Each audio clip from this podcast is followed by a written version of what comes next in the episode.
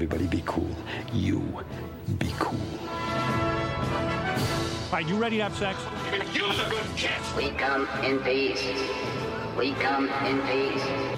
You are the motherfucking Antichrist! We're gonna let you go, okay? Ok. Film er best på radio. I'm gonna make him an offer he can't refuse. Nova Noir.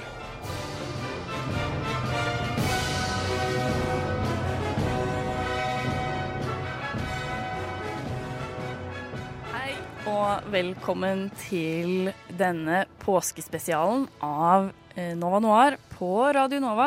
Vi har eh, laget en liten, eller skal lage en liten påskepod til dere som hører på. Eh, kanskje ikke så rent liten heller. Vi skal sitte her en stund. Eh, mitt navn er eh, Taleråd, og med meg i studio i dag så har jeg Hanna Holm Aune. og Hedvig Bø. Og vi skal snakke med dere eh, om Stephen King-filmer. Egentlig eh, så lang tid som det tar. Mm. vi har plukket frem våre favoritter. Det er eh, ikke så rent få, egentlig. Det er ganske mange Eller alle er kanskje ikke heller helt favoritter. Det er noen vi har litt uh, splitta meninger om, i hvert fall. Men vi har valgt å legge det opp litt sånn at vi går kronologisk til verks og begynner med eh, de filmene som, eller den filmen som kom eh, først, og så har vi plukka ut de vi liker best, og går eh, kronologisk til, eh, til verks og skal snakke om eh, veldig mange av de. Eh, veldig mange er jo skrekkfilmer, som eh, dere sikkert eh, vet. Og det var det jeg tenkte passet litt fint med, eh, i og med at det var påske. Og i påska så er det jo mange som eh, liker å høre på krim, og, eh, eller se på krim og lese krim. Og da tenkte jeg at det passet fint eh, også snakke om litt, eh, litt krimmete eh, Stephen King-film her for dere i dag. Hvordan eh, er det med dere som er med meg i studio her? Altså, Stephen King er jo en av mine favorittforfattere. Det var jo egentlig den forfatteren som jeg ble veldig fanga av, hvor jeg tenkte at jeg må lese mer av han. Fordi det er veldig mange bøker man liksom leser sånn, ja, den er god, og så slenger man videre, og så tenker man ikke over forfatteren. Men Ja. her ble jeg veldig opptatt av hvordan han skrev, da. Hva var den første eh, boka du leste av Stephen King? Jeg begynte med Carrie. Fordi det var den jeg fikk anbefalt. Eh, Etter det så leste jeg Hvor gammel var du da? Oi! Eh, jeg tror jeg var 15. Eh, så det, var, det er ganske lenge siden jeg begynte å lese. Og så fortsatte jeg da litt sånn hultete bulter hva jeg fikk anbefalt av de som jobbet eh, på Nordli. så litt sånn The Mystery leste jeg etter det, og så var det Christine, og så kom The Stand, som vi ikke kan Orker ikke å snakke om det. Det var helt grusomt. Jeg kjøpte extended edition. It was a whole thing. um, og så har jeg liksom velta meg inn i litt sånn forskjellige bøker over årene, da. Ja, Hva med deg, Hedvig? Hva slags eh, forhold har du til Stephen King-bøker, eh, kanskje først? Det er noe som jeg liksom alltid har hørt om, og Stephen King har jo alle liksom alltid visst hvem er, men jeg tror ikke jeg begynte å lese bøkene hans før jeg ble ganske Jeg tipper Jeg tror ikke jeg leste Jeg tror jeg leste den første boka da jeg var 21, jeg. Ja. Rett og slett. Og da begynte jeg med, for at jeg begynte å være sånn Nå skal jeg lese Stephen King, yeah! Og da begynte jeg med Da var jeg veldig sånn Jeg satt på Kindlen min og liksom leita gjennom og, nei, vet dere, Amazon for å finne liksom en god Stephen King-bok. Og så begynte jeg med Så var jeg veldig sånn Jeg vil finne en som ikke alle har lest, for jeg vil ikke være sånn at alle har lest, og bla, bla, bla. Sånn at jeg fant en som heter The Long Walk, som uh, handler om em, Det er sånn uh, i liksom det er, en sånn De har et, en konkurranse. Det er vanskelig å forklare. De har en konkurranse da, hvor det er så og så mange gutter som skal være med, og de skal gå bare til uh, det er én igjen. Og om Det er helt brutalt. ja, og du kan liksom ikke Det er også sånn at du må De må gå De får ikke lov å gå eh, Prating er vanskelig. De får ikke lov å gå saktere enn fire kilometer i timen, tror jeg. Som er et greit marsjtempo. Eller cirka rundt der. Det er noe sånn, de har en sånn limit, og hvis de går under der, så blir de eh, skutt. Så det er, du følger liksom hele racet, helt fra det liksom starter. Og det er bare sånn, du melder deg på, tror jeg, men du vinner jo da masse. Du vinner det som er, du vinner hva du ønsker deg.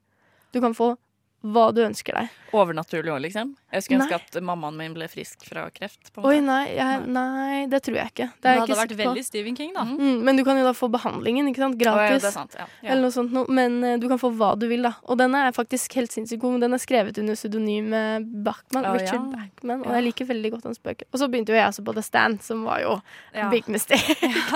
For du kjøpte også Extended Jeg kjøpte også gjorde du ikke? 1500 sider med The Stand. som er Det var helt grusomt. Jeg kom, kom 500 sider inn i den boka, og fremdeles hadde ingenting skjedd. Er det sant? Det var helt grusomt. De skulle, liksom Hele første delen av boka er sånn derre Ja, nå skal vi til en dame som bor midt i ørkenen, som Å, har telepatiske eller telekinetiske eller hva Har ikke peiling, jeg. Hun kommuniserer med dem sånn, gjennom drømmer og sånn, så alle de få overlevende er sånn Dit skal jeg. Mm. 500 sider, og så kommer hun og så er sånn Ja, nå begynner eventyret deres. Og da klapper jeg en boka. Jeg orka ikke. Og men jeg syns egentlig at det skjedde ganske mye, liksom. At det skjer, det skjer så mye hele tiden, og så er det så sinnssykt mange karakterer som er med.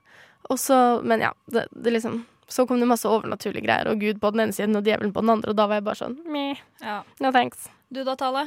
Um, jeg husker faktisk ikke hvilken uh, som var den første jeg leste. Jeg tror det var Carrie eller Mystery. Ja. Litt som deg. Men jeg husker veldig godt første gang jeg så en uh, Stephen King-film. Eller jeg visste ikke at det var Stephen King da, da fordi at jeg var Liten. sju eller noe. Ja. Um, og jeg satt eh, i sofaen sammen med pappa eh, på kvelden før jeg skulle legge meg. Og så drev han og eh, zappa på TV-en, og så eh, var det liksom det siste kvarteret av The Shining som var igjen. Og han fant ut at det er helt passende å se med en syvåring ved siden av seg. liksom. Jeg bare Hva er det her for noe? Hatt sånn derre litt sånn mareritt eh, av eh, Jack Nicholson som løper gjennom uh, Mason der på slutten. Um, før, til og med før jeg skjønte at det var Stephen King, da. Mm. Sjukt. Ja. Det er en skummel film. Den er ekkel. Ja, det er det. Og før vi setter i gang, så syns jeg også det er litt ryddig å eh, gi advarsel om at eh, det kommer til å være ganske mange heftige spoilere eh, etter hvert i løpet av eh, den podkasten. Og ja, dette er vår spoiler alert til eh, deg som lytter. Både fra bøkene og filmene, Ja. egentlig. For der hvor vi har lest eh, bøkene på forhånd, så kommer de også til å være en del av, eh, av eh, samtalen, egentlig. Litt sånn om hverandre. Så om du ikke vil eh, få nye filmer spoilet, f.eks., så er det kanskje greit å se et par ekstra Stephen King-filmer før du begynner på denne podkasten. Du er herved eh, advart. Vil! Vil! Vil! Venner lyver ikke. Elleve. Ikke hold denne nysgjerrighetsdøra lukka. Jeg elsker eggovafler! Målinger er for kaffe og kontemplasjon. Nei. Nei, det må gorgon. Nova Noir er ikke redde for å snakke om rare ting.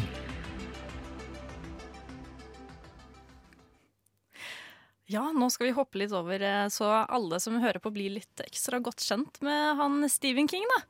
Han eh, er jo eh, en spennende mann, levd mange år. Han er nå 71 år gammel. Det ble jeg litt overrasket over, faktisk. Ble du det? Ja. Eh, Jeg, var ikke, tenk- jeg tenker ikke på han som så gammel, på en måte. Nei. Han har, eh, sånn Utseendemessig så har han holdt seg ganske Ja. Han ser altså. ikke Han ser så gammel ut. ut. Ja. Han er født i eh, Portland i delstaten Maine, som er ganske relevant, fordi over halvparten av hans bøker er jo enten i Maine eller har en slags bakgrunn i Maine-staten. Og han har jo liksom klart å gjøre Maine til en sånn veldig ekkelt og skummelt sted, Mm. fullt av mysterier, som han eh, sier er helt bevisst. Eh, fordi han eh, likte jo ikke Maine. Så han har liksom eh, gjort svartmalt Maine med ja, vilje. Han har det. Det virker veldig sånn, for hver eneste gang han i intervjuet liksom snakker om oppveksten sin i Maine, så sier han det var fin, da, men den var i Maine. så hva man liksom skal legge i det, da, er jo, er jo spennende.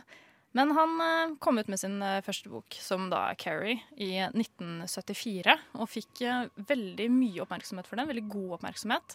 Bare to år senere så ble jo den filmatisert, og ble da også veldig populær. Men før han fikk liksom sin største break, da, så var jo han veldig usikker på om eh, han hadde ren flaks, eller om han faktisk var flink til å skrive. Så han skrev et par eh, nye ting. Et par eh, nye noveller som han da la ut under et pseudonym som het Bachman. Richard Bachman. Eller Backman. Mm. Um, som Hedvig sa tidligere at hun hadde lest noe av, da. Um, dessverre så ble han jo avslørt veldig, veldig fort. Ja, Eh, det, jeg syns ikke det virker som at han på en måte prøvde så veldig hardt eh, å skrive annerledes. Eller at det var Ikke jo annerledes, i hvert fall. For det er veldig likt. Ja, og at det da egentlig var ganske lett å eh, finne ut at det var han, da. Ja, det var jo det, var jo det han ble tatt på. da. Det var en, eh, en som jobbet i en bokhandel som hadde funnet likheter med Bachmanns noveller og hvordan King skrev, og skrevet litt sånn fordi han så det var samme publishing, da. Og så var han sånn Er det, er det Stephen King, eller? Og så var han litt sånn Oi, oi. Ja vel. Oi. Oh, no. Eh, og etter det så kom det jo da Han er jo kjent for å bæsje ut bøker. Eh, han hadde sånn langt intervju med han, eh, forfatteren i Game of Thrones, hvor George R.R. Martin, som han heter, spør sånn Hvordan i helvete skriver du bøker så fort? For jeg skjønner ikke. For de er jo liksom rene motsatte, da.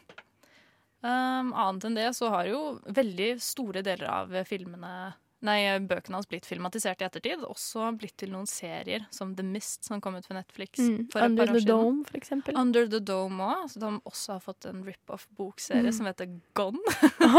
Er det noen som har hørt om den, eller? For dem kaster jeg bort veldig mye tid på. um, men han, er jo, han har jo sånn generelt veldig stor suksess, da. Som man ser på at eh, Sånn som dere sa i stad, at alle vet jo hvem han er. Mm. Man gjør jo det. Ja. Så han er jo Ja, eh, du har, har du noe eh, tall på hvor mange bøker han har skrevet sånn? Nei. Fordi når man Det søker må jo opp, være så hundrevis, tror jeg. Det er flere hundre. Fordi når man søker det opp, så får man liksom samlet verk som er oppi et par 500 eh, forskjellige eh, skrifter, da. Men det er noveller, og så er det kortfortellinger som ikke kan være noveller igjen. Og så litt skuespill og sånn Ja, eh, også, tror jeg, eh, i tillegg til Ja, noe skuespill. Og så har de prøvd å skrive skrevet et par eh, filmmanus òg, som Stemmer. ikke har gått. eh, og har jo da heller holdt seg til å filmatisere sine bøker etter det, da. Eh, Sånn som The Shining, som vi skal eh, snakke om etterpå.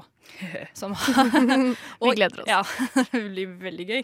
Eh, det er faktisk Eller jeg bare smakka det litt sånn eh, fort opp på Wikipedia han her. Ja. Eh, han har publisert 58 romaner. Shit.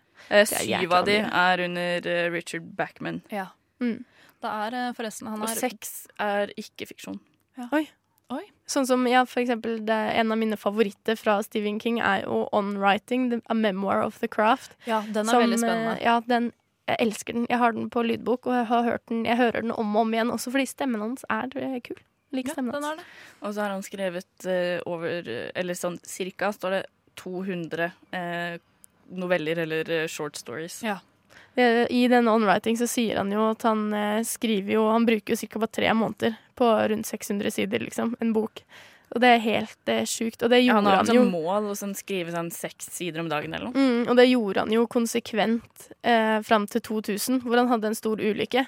Og så Ja. sa han at etter det så måtte han jo roe ned litt, grann, da, fordi han klarte ikke sitte like lenge foran Stille. skrivemaskin. Ja. Nå har han jo funnet en ny løsning. Han har jo begynt å skrive, skrive, eller skrive Han skriver jo nå bøker med sønnen sin. Ja, Ja, ikke sant? Med Så, Owen. de, ja. Ja. så nå driver jo de og skriver sammen, som sikkert er en god løsning for han. Og Ja. samtidig liksom kickstarter Owens karriere litt, da. ja, I tillegg til at han lever jo sikkert litt på navnet, tror du ikke det òg? King Ja. eller Owen? Owen. Mm. Owen, ja, ja. Det var Det jo det King også tenkte at han gjorde. Um, og det var derfor den Richard Backman Ikke kom sant? opp. Ikke sant? Fordi han ville jo finne ut av har jeg egentlig talent, eller var det Mm. ren flaks at jeg faktisk eh, fikk det til, da. Mm. Eller at eh, Ja, det var jo derfor han fant det pseudonymet, for å sjekke om han bare Om folk bare kjøpte King-bøker, liksom. Eller Ja. om, om de gjorde det fordi det var bra. Ja, Ja. ikke sant. Men han har jo også eh, Stephen King har jo også hatt eh, drikke- eller alkoholproblem. Og drugs. Og other drugs, Ja, yes. veldig mye. Eh, og noe av det kommer jo kanskje litt sånn her frem i bøkene også, da. Jeg tror sånn når man skriver så mye som det han gjør òg, så tror jeg det er vanskelig å på en måte ikke trekke liksom ting fra sitt eget liv også inn i bøkene. At sånn, um, det er vel også derfor på en måte mye av The Shining handler om eh, alkoholisme, og at Jack Torrance er alkoholiker og sånn også fordi han på en måte skrev ut sin eh, alkoholisme i løpet av den boka, på en måte. Mm. Han sier også det i den on-writing, da, at eh, i Misery, Ja. hvor det er en hans one true fan som eh, kidnapper en eh, forfatter.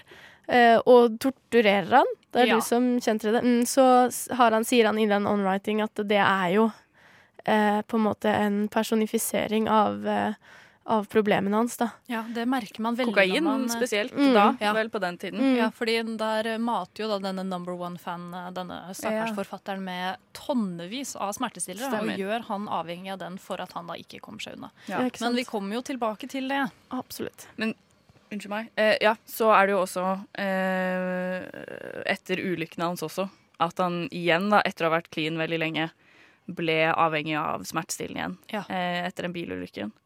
Um, Jeg tror det er ganske vanlig for sånne som har vært avhengig av noe, Ja. at hvis de begynner på noe igjen, så er det så raskt. Det er så raskt å Altså, komme inn i Det det. er det. Og så er det han- også veldig vanlig i USA. For Mm. Der blir jo smertestillende i store doser pumpet ut til befolkningen. veldig Ja. Ja. Um, og han har jo eh, også sagt at eh, Det er en bok vi ikke, eller en film vi ikke skal snakke om i dag, men at han eh, ikke husker å ha skrevet Cujo Mm, i ja. det hele tatt. At den er bare sånn At han skulle ønske liksom at han gjorde det fordi han liker den veldig godt, men han bare husker ikke at han har skrevet den i det hele tatt. Og så Mm. veldig sånn interessant. Da. Han er jo en spesiell karakter og har jo også eh, som vi var bitte litt inne på innledningsvis, eh, skapt sitt eget ganske eh, solide og utbroderende eh, univers også. Ja. Hei, dette er Trond Espen Seim, og du lytter til Nova Noir. Stemmer. Det stemmer eh, tale. Han har jo et, em, et eh, Det er jo veldig sånn hvis man leser bøkene eller ser filmene, så kjenner du igjen liksom hint til andre filmer og sånne ting. Og jeg prøvde å undersøke litt om det. Jeg tenkte liksom at det var et eh, Du får veldig følelsen at alt foregår på samme tid på samme sted, nesten. Eller i hvert fall at det har spredd seg sånn at man har hørt om det i andre deler av landet også, akkurat som det er i avisene og sånne ting på ekte, liksom. Det er den følelsen man får når man leser det. Så prøvde jeg å undersøke litt eh, om dette her, og da kom det jo opp at det var eh, et multivers som jeg ikke hadde hørt om før, som jeg tror er en veldig eh, sentral del av plottet i eh, det her The Dark Tower-serien hans, som er vel fantasy-serien hans. Um, og der kommer det opp veldig sånn at han har han har jo jeg, tror, jeg husker ikke hvor mange det er, syv, åtte, ni univers eller noe sånt noe. Hvor man kan komme til de forskjellige universene ved hjelp av diverse talismaner. Um, men det jeg tenkte å snakke mest om, er jo det universet på en måte vi befinner oss i. Hvor Stephen King befinner oss, og vi befinner oss, og de filmene vi skal snakke om i dag, hovedsakelig um, befinner seg. Uh, og da um, hoved, Det man merker mest, er jo at alle disse her onde tingene som dukker opp i Stephen King sine filmer, sånn som eksempel The Mist, som vi skal snakke om litt senere, Pennywise, The Deadlight, som dukker opp i It, disse kommer, disse, disse lekker ut ifra um, et univers som heter Skal vi se, jeg tror det heter The Toadash. Skal vi se, jeg har det her skrevet ned. Det kommer ifra The Toadash Space, som er et uh, univers um, hvor alle disse onde tingene fins, og det er liksom The Dark Tower som er episenteret av alle disse her onde tingene.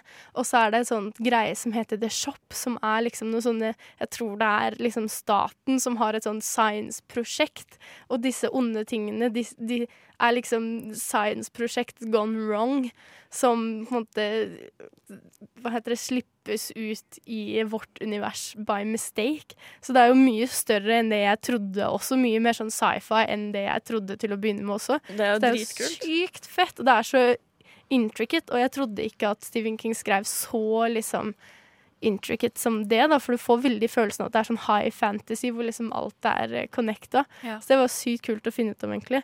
Men jeg tenkte å si litt om eh, litt sånne connections innenfor de filmene vi skal se, og i det universet vi er i. Sånn som du nevnte, så er jo veldig mange av eh, bøkene og historiene hans satt i Maine. I vårt univers, da, så er de satt i Maine, og da gjerne i en by som heter Castle Rock, Ja, som er stemmer. en eh, oppfunnet by, da.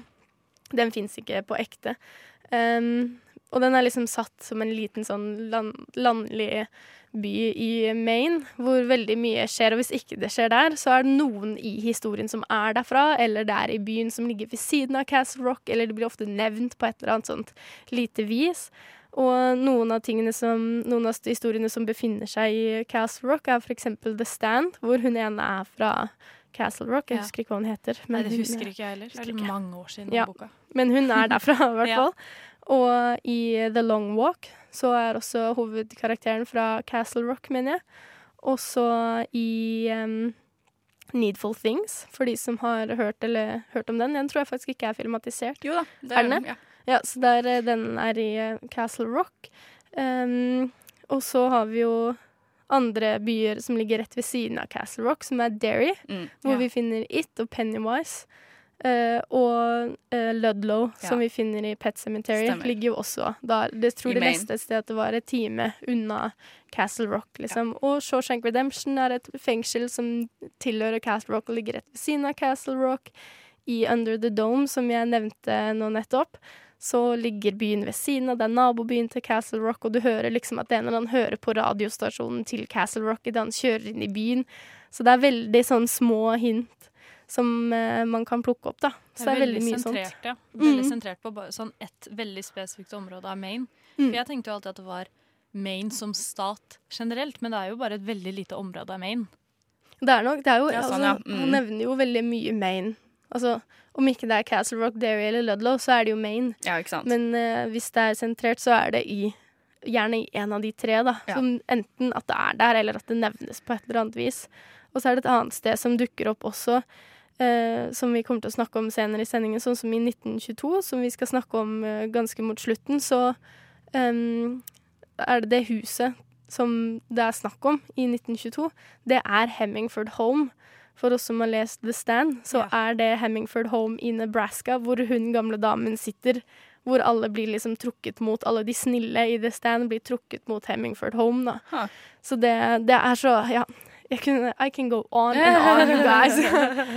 Og så kommer det jo litt etter hvert som vi kommer inn i filmene, så kommer det hint. Ja. Ja, I tillegg til at det på en måte blir sånn eh, sagnomsust det er stedet, så er det i hvert fall eh, Filmene er jo veldig sånn flinke eh, til å referere til hverandre også, veldig ofte. At liksom det kommer veldig sånne små eh, drypp da, og referanser til andre historier. Jeg føler veldig ofte i hvert fall at det er eh, kanskje spesielt sånn her Ja, en rabiat hund som har Eller sånn eh, Sankt Bernhard-hund som går eh, Som står sånn her i avisen, for eksempel. Bare sånn her eh, Mm. litt raskt, liksom. Man går, uh, ser sånn over skjermen. Ja, for og- det sier de jo også i Pet Cemetery. Mm. Sånn, å, for et par år siden så var det en rabiat uh, St. Bernard som gikk helt Og hun kjører og... forbi eh, skiltet til Derry, som Ja, er eh, stedet i handlingen i It. Og et annet eksempel fra The Shining er kokken Dick Holloran. Ja. Ja. Som Jeg vet ikke om det kommer fram tydelig i filmene, men um, det kommer i hvert fall fram i bøkene.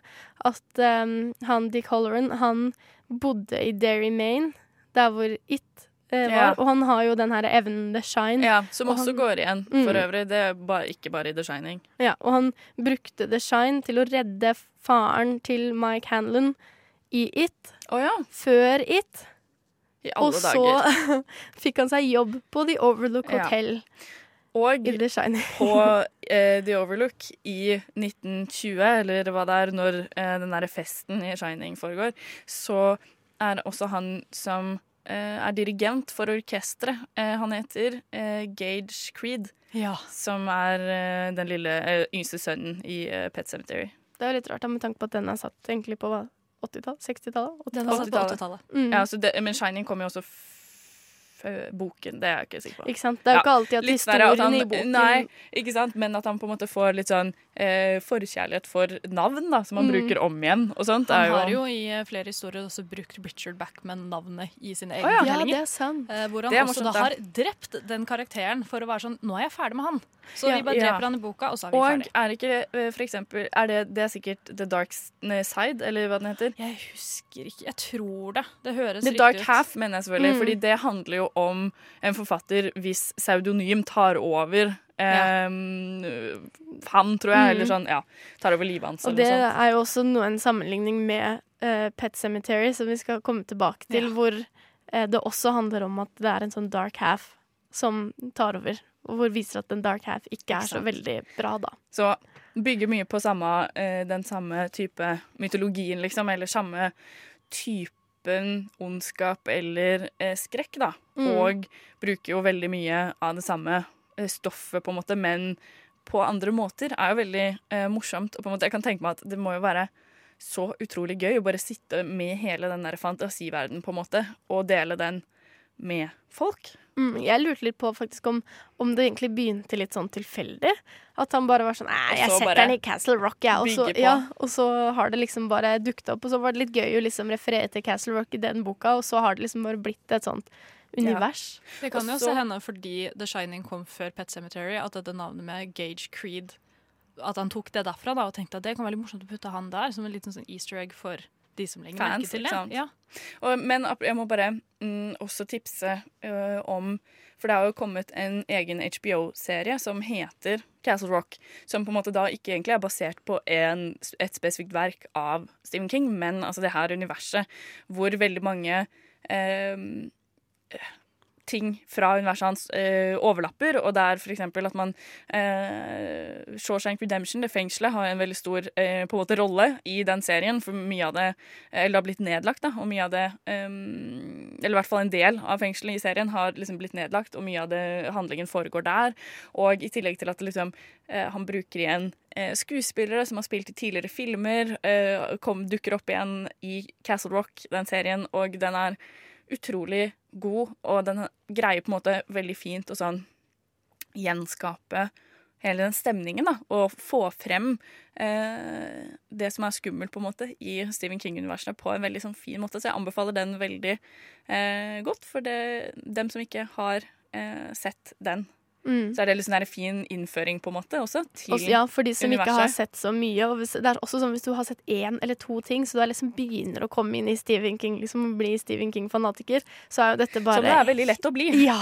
Så er jo dette bare himmelen, Castle Rock. For Ja. at det er bare sånn Å, du hører derfra, og du hører derfra, og du hører derfra. Og spesielt da å se det med noen som ikke er helt up to date på det her. Og kunne fortelle det der. Å, det er det beste. Altså, Det du beste hører jo hva som har skjedd med oss på bare veldig få uker. Vi har hatt en egen chat hvor vi sånn daglig har bare sånn Å, forresten! Nå har jeg funnet ut av dette her òg! Så vi er jo ganske klare, da. Vil anbefale det å liksom introdusere alle vennene dine til eh, Oh, yes. Og så bare ha en sånn egen klubb, sånn som vi har nå. Ja. Men da tror jeg egentlig vi bare setter i gang og starter, eh, starter med Stephen King-filmene. Ja. Ladies and gentlemen, welcome to violence.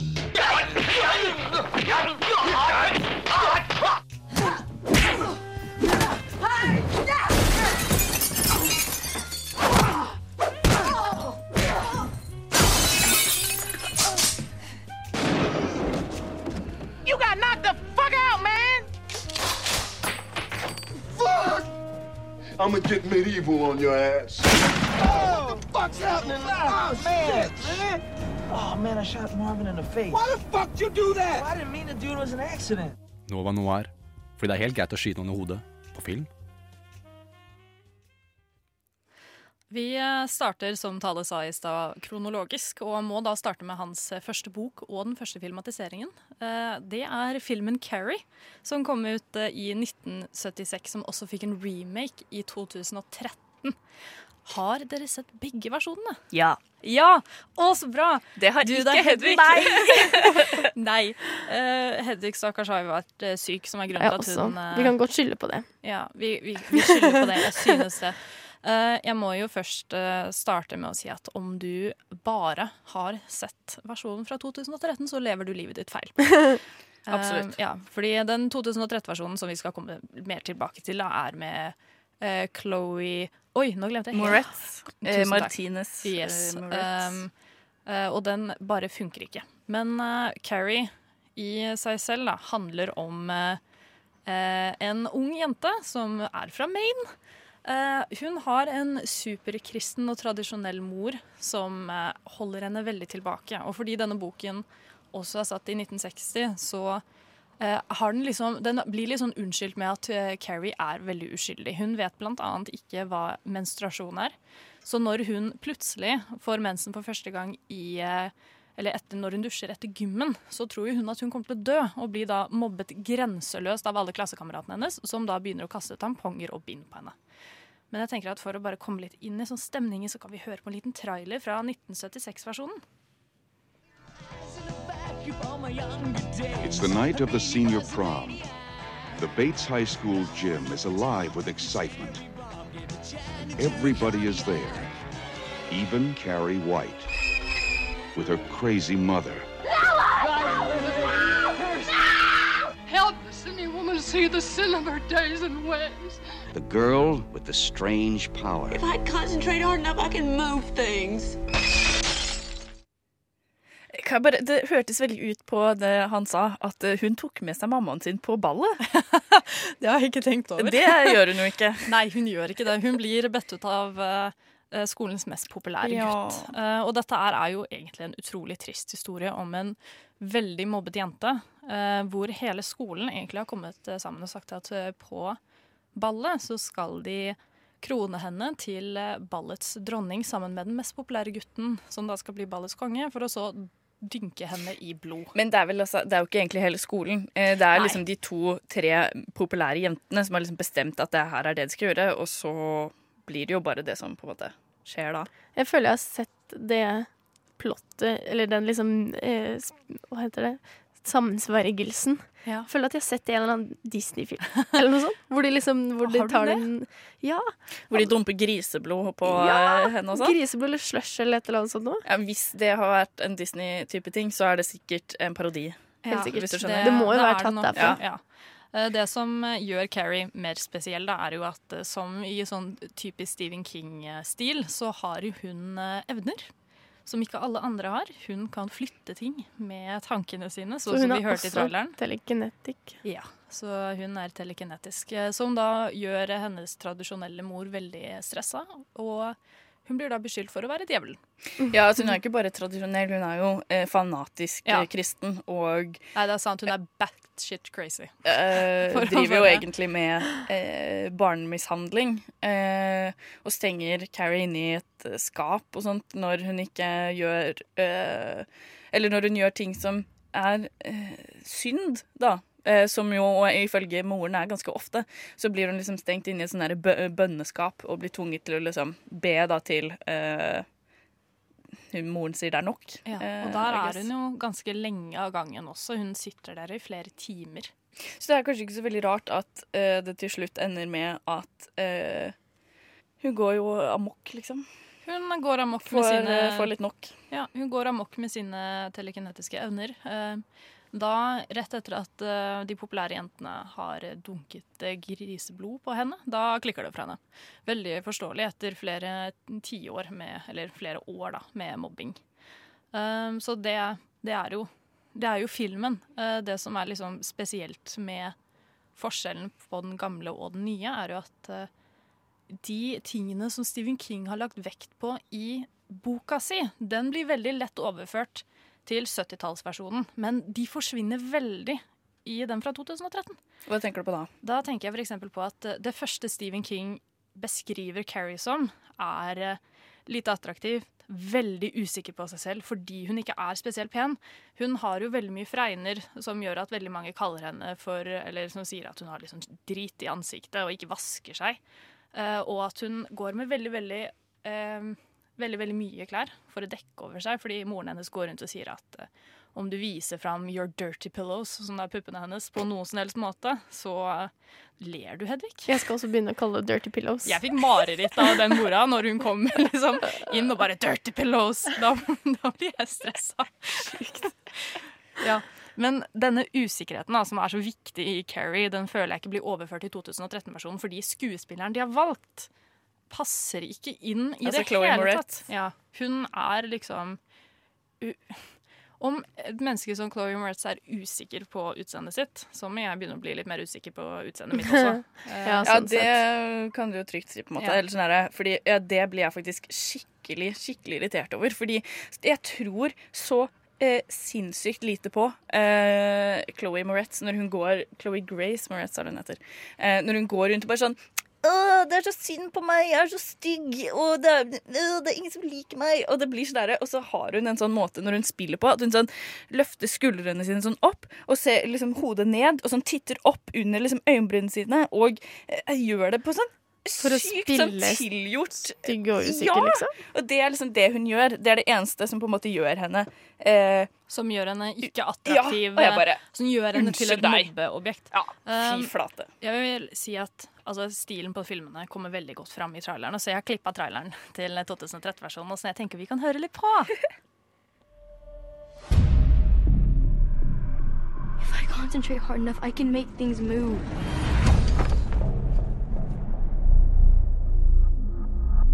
There are other people out there like me who can do what I can do.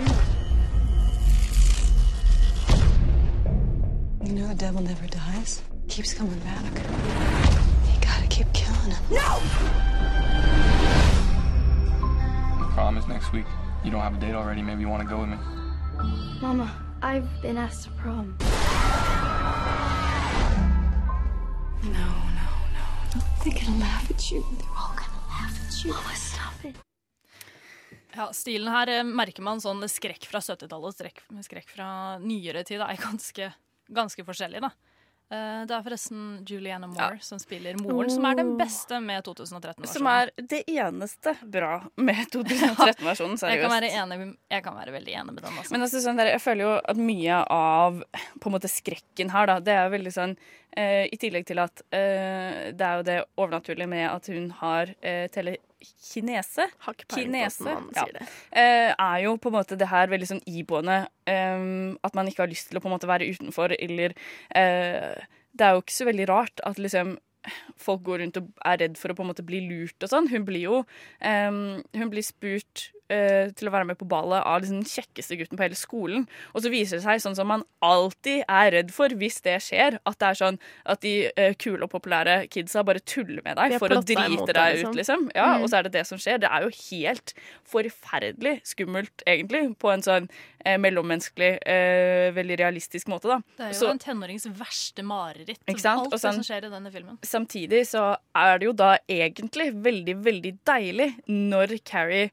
tar skikkelig hevn og eh, altså sånn Hun eh, setter jo fyr på hele eh, ballsalen, på en måte, eller gymsalen, og stenger alle inne i denne brannen. Eh, får hele skolen, eh, inkludert alle elevene, bortsett fra liksom noen, til å sånn brenne inne.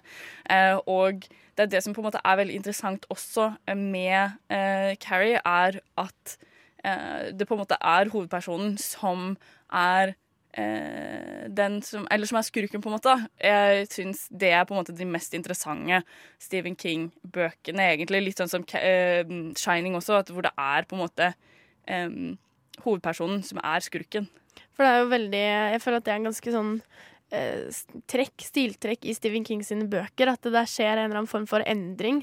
Enten om det er i en sånn type horrorfilm, eller om det er i de litt mildere filmene som ikke alltid har et sånt veldig stort skrekkmoment, så er det alltid den derre eh, utviklingen av mennesket som han er dritgod på. Relasjoner til Altså forhold til andre mennesker, og også sånn den utviklingen man går gjennom selv, da. Enten om det er en positiv ting, liksom sånn som vi skal snakke om senere i Stand by me, at det er litt sånn coming of age, liksom å vokse som person, eller om det er den utviklingen å bli gæren, da, eller å liksom bli skurken. Ja. Sånn som i The Shining og Pet Cemetery og liksom flere, hvor det bare er sånn ja. Det er det som gjør disse bøkene så interessant. For er, man har liksom disse i andre, hos andre forfattere så har man denne erketypen 'du er skurk'. Mm. Vi liker ikke deg fordi du er skurk. Men i disse bøkene og filmene så har man liksom vært med disse karakterene gjennom hele veien. Og når de da til slutt ender opp med å være mordisk, morderiske eller bare grusomme mennesker, så har man liksom denne her faktiske sånn De er jo egentlig ikke onde. Det er sånn, De gjør jo alt dette her av en grunn. Mm. Som Ja. Eh, jeg var liksom på vei til å på en måte eh, si sånn at det er liksom det færreste av bøkene og filmene Eller sånn Nå prøver vi jo egentlig å forholde oss mest til filmene, da, så jeg bare Ja. sier det. Eh, at det de fleste Stephen King-filmene liksom egentlig handler om eh, folk du bare skjer kjipe ting med, eller sånn tilfeldig. Men det er jo ikke sant i det hele tatt. Når jeg bare får tenkt meg om. Jeg har bare ikke fullført den tanken på en måte før eh, akkurat nå. Det var litt uh, dumt, kanskje. Men ja. Mm. Og hva tenker du da? At det er eh, den utviklingen, da? At Ja, det det er jo bare veldig skjer med ofte dem, at det ja, utvikler seg? At det liksom? veldig ofte uh, er innenfra dem selv, da. At det kommer, egentlig. Um, men Det er nok både og. Ja. Det kan vi jo diskutere mer eh, ja, litt hvert. sånn der underveis. Altså I Carrie så har hun jo Hun har jo en liksom et utgangspunkt som ikke er godt, da. Så Ja, det er det sant. at hun Med moren En- ja. og, og sånt. Og så at hun er liksom Men det er jo det som på en måte Det blir sånn dobbelt, dobbelt opp også, ikke sant? Det er jo ikke det at hun er vanlig i utgangspunktet. Hun er jo kjempenaiv og så uskyldig, og man får jo sånn herre Men det er litt det òg. Eh, fordi som en av um, Jeg husker ikke hvor godt det kommer frem i filmene, men i boka i hvert fall, så er det uh, en av lærerne, den, hun kvinnelige gymlæreren, uh, som uh, forteller til rektoren liksom, at når Carrie får det her anfallet fordi hun har fått mensen og tror hun kommer til å dø, og sånn, så blir man sånn, hun blir litt sånn irritert på henne og får bare lyst til å liksom, riste henne fordi at hun er så hysterisk og overdriver. og man, Hun blir sånn irritert på Carrie bare fordi hun er som hun er, og at hun er så offer, da, egentlig. Og jeg skjønner egentlig ganske godt eh, hvor hun kommer fra der, og at man blir sånn herre kan du ikke bare skjerpe deg, liksom? Mm. Eh, at læreren sier det til? Ja, ja, ja, fordi det er jo det hun sier. Og sånn, jeg blir, som leser og eh, titter også, så blir jeg jo Jeg forstår veldig godt hvor hun kommer fra. Eh, for det, blir, det er jo veldig sånn overdrevet og eh, uvant at det er en karakter som er så utafor eh, og så uskyldig og så naiv, på en måte. Det som er litt kult, er når eh, Stephen King skrev denne boka, så trodde han jo selv at han hadde skrevet en skikkelig ræva bok. Ja, ja. Og så var det kona hans Tabitha, som han anser som liksom sin første editor. Eh, og han sier i den On Writing at uh, writing is liksom bra, but editing is divine. Det er liksom Det er overopphøyd. Og det, da legger han det i kona si, som da fisket denne boka ut av søppeldunken og bare 'Det her er jævlig bra', liksom. Du må gjøre det ferdig. Og så sa han at ja, han vet jo ingenting om hvordan teenage girls har det. Så mye av dette her er jo Tabitha, kona hans, som har fortalt om hvordan det er, da. Så det er jo ja, kult. Fun fact. Ja.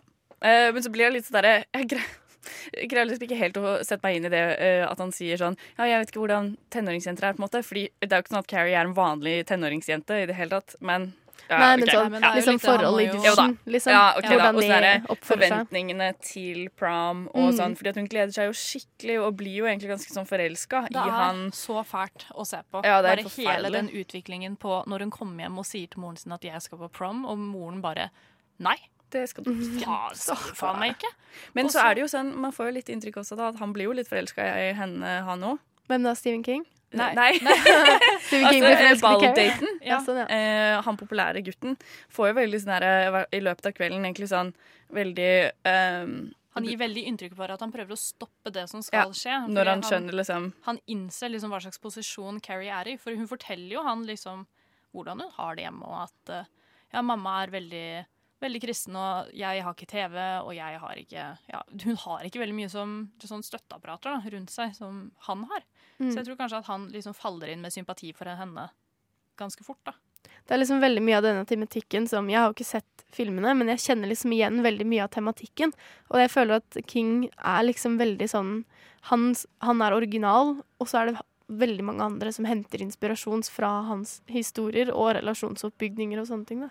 For det er jo en ting han er ekstremt uh, god til. Mm. Uh, Syns jeg det med å bygge relasjoner og sånn også. Det er derfor uh, du på en måte blir eh, Ofte så blir filmene litt sånn tamme eh, i sammenligning, fordi det går ikke an å få frem eh, mye av de forholdene like godt på lerretet som Mm. de gjør eh, med indre monolog og det som kommer frem i bøkene. på en måte. Men det er jo, sånn er det jo. eh, Og det som er kult, er jo at filmene fortsatt veldig ofte er dritbra. Veldig ofte Mm, er det jo veldig det. ofte. Ja. vi har veldig mange Eller vi har en del unntak òg. Ja, vi har jo det. Men eh, vil dere da si at eh, dette er en anbefaling? Bør man gå og se den? Jeg fikk i hvert fall veldig lyst til å gå og se den. Jeg vil da veldig sånn med en gang si at se versjonen fra 70-tallet. For den har en helt annen Den har en helt annen stemning i, ved seg, og er også mye flinkere på å gjengi det som King prøvde å gjøre med boka si. eh, som er liksom hvorfor vi sitter her, da. Hvorfor vi snakker om han i det hele tatt. Det er relasjonsbyggingen, det er liksom menneskeforståelsen, da. Så ja, 70-tallsversjonen, ja. Absolutt hvis du må velge mellom filmene. Men jeg, sånn- jeg, jeg kan skjønne veldig godt uh, at ikke alle liker uh, 70-tallsversjonen heller. Uh, det er noe ved den jeg liker veldig godt, men jeg skjønner også hvordan folk ikke kan like den, på en måte. Men jeg vil også bare si eh, les boka, fordi den er eh, skikkelig, skikkelig bra. Det er noe sånn eh, det er veldig kult eh, originalt ved den. Fordi han også bland, I tillegg til å liksom fortelle Carrie sin historie, så blander han jo inn eh, utdrag fra sakprosabøker skrevet om hendelsen i ettertid i, eh, he, ja, i boka, da. Som jeg veldig, synes er veldig morsomt. Og sånn, for det kommer jo ikke frem Mm. Ja, det, er en veldig, det er en veldig fascinerende bok, og veldig mye Ja. av det som skjer i boka, skjer jo ikke i filmen heller. Mm. Og den blir også veldig mye mer intens i bokform. Mm. Men jeg føler at det kommer til å bli en gjennomgående ting i sendingen. tror kanskje det. Jeg Vi kan jo sjekke hvordan det går eh, videre, i hvert fall. I programmet.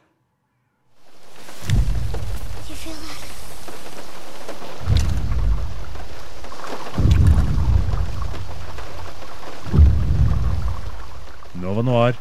Det merkes på tyngden. Og med det så skal vi eh, hoppe videre til en annen veldig kjent eh, film og bok av eh, Stephen King, The Shining. Eh, som handler om en familie på tre. Det er Jack, Wendy og sønn Danny, Danny som eh, skal være sånne caretakers. De skal passe på et høyfjellshotell, eh, The Overlook Hotel, mens det er stengt i vintersesongen. Planen er å få tilbringe tid sammen som familie, og for at Jack skal få tid og ro han trenger til å skrive. Men alt går ikke helt som planlagt. Mom? Yeah? You really want to go and live in that hotel for the winter? Sure I do. It'll be lots of fun. Yeah, I guess so. For some people, uh, solitude and isolation can of itself become a problem. Here's Johnny.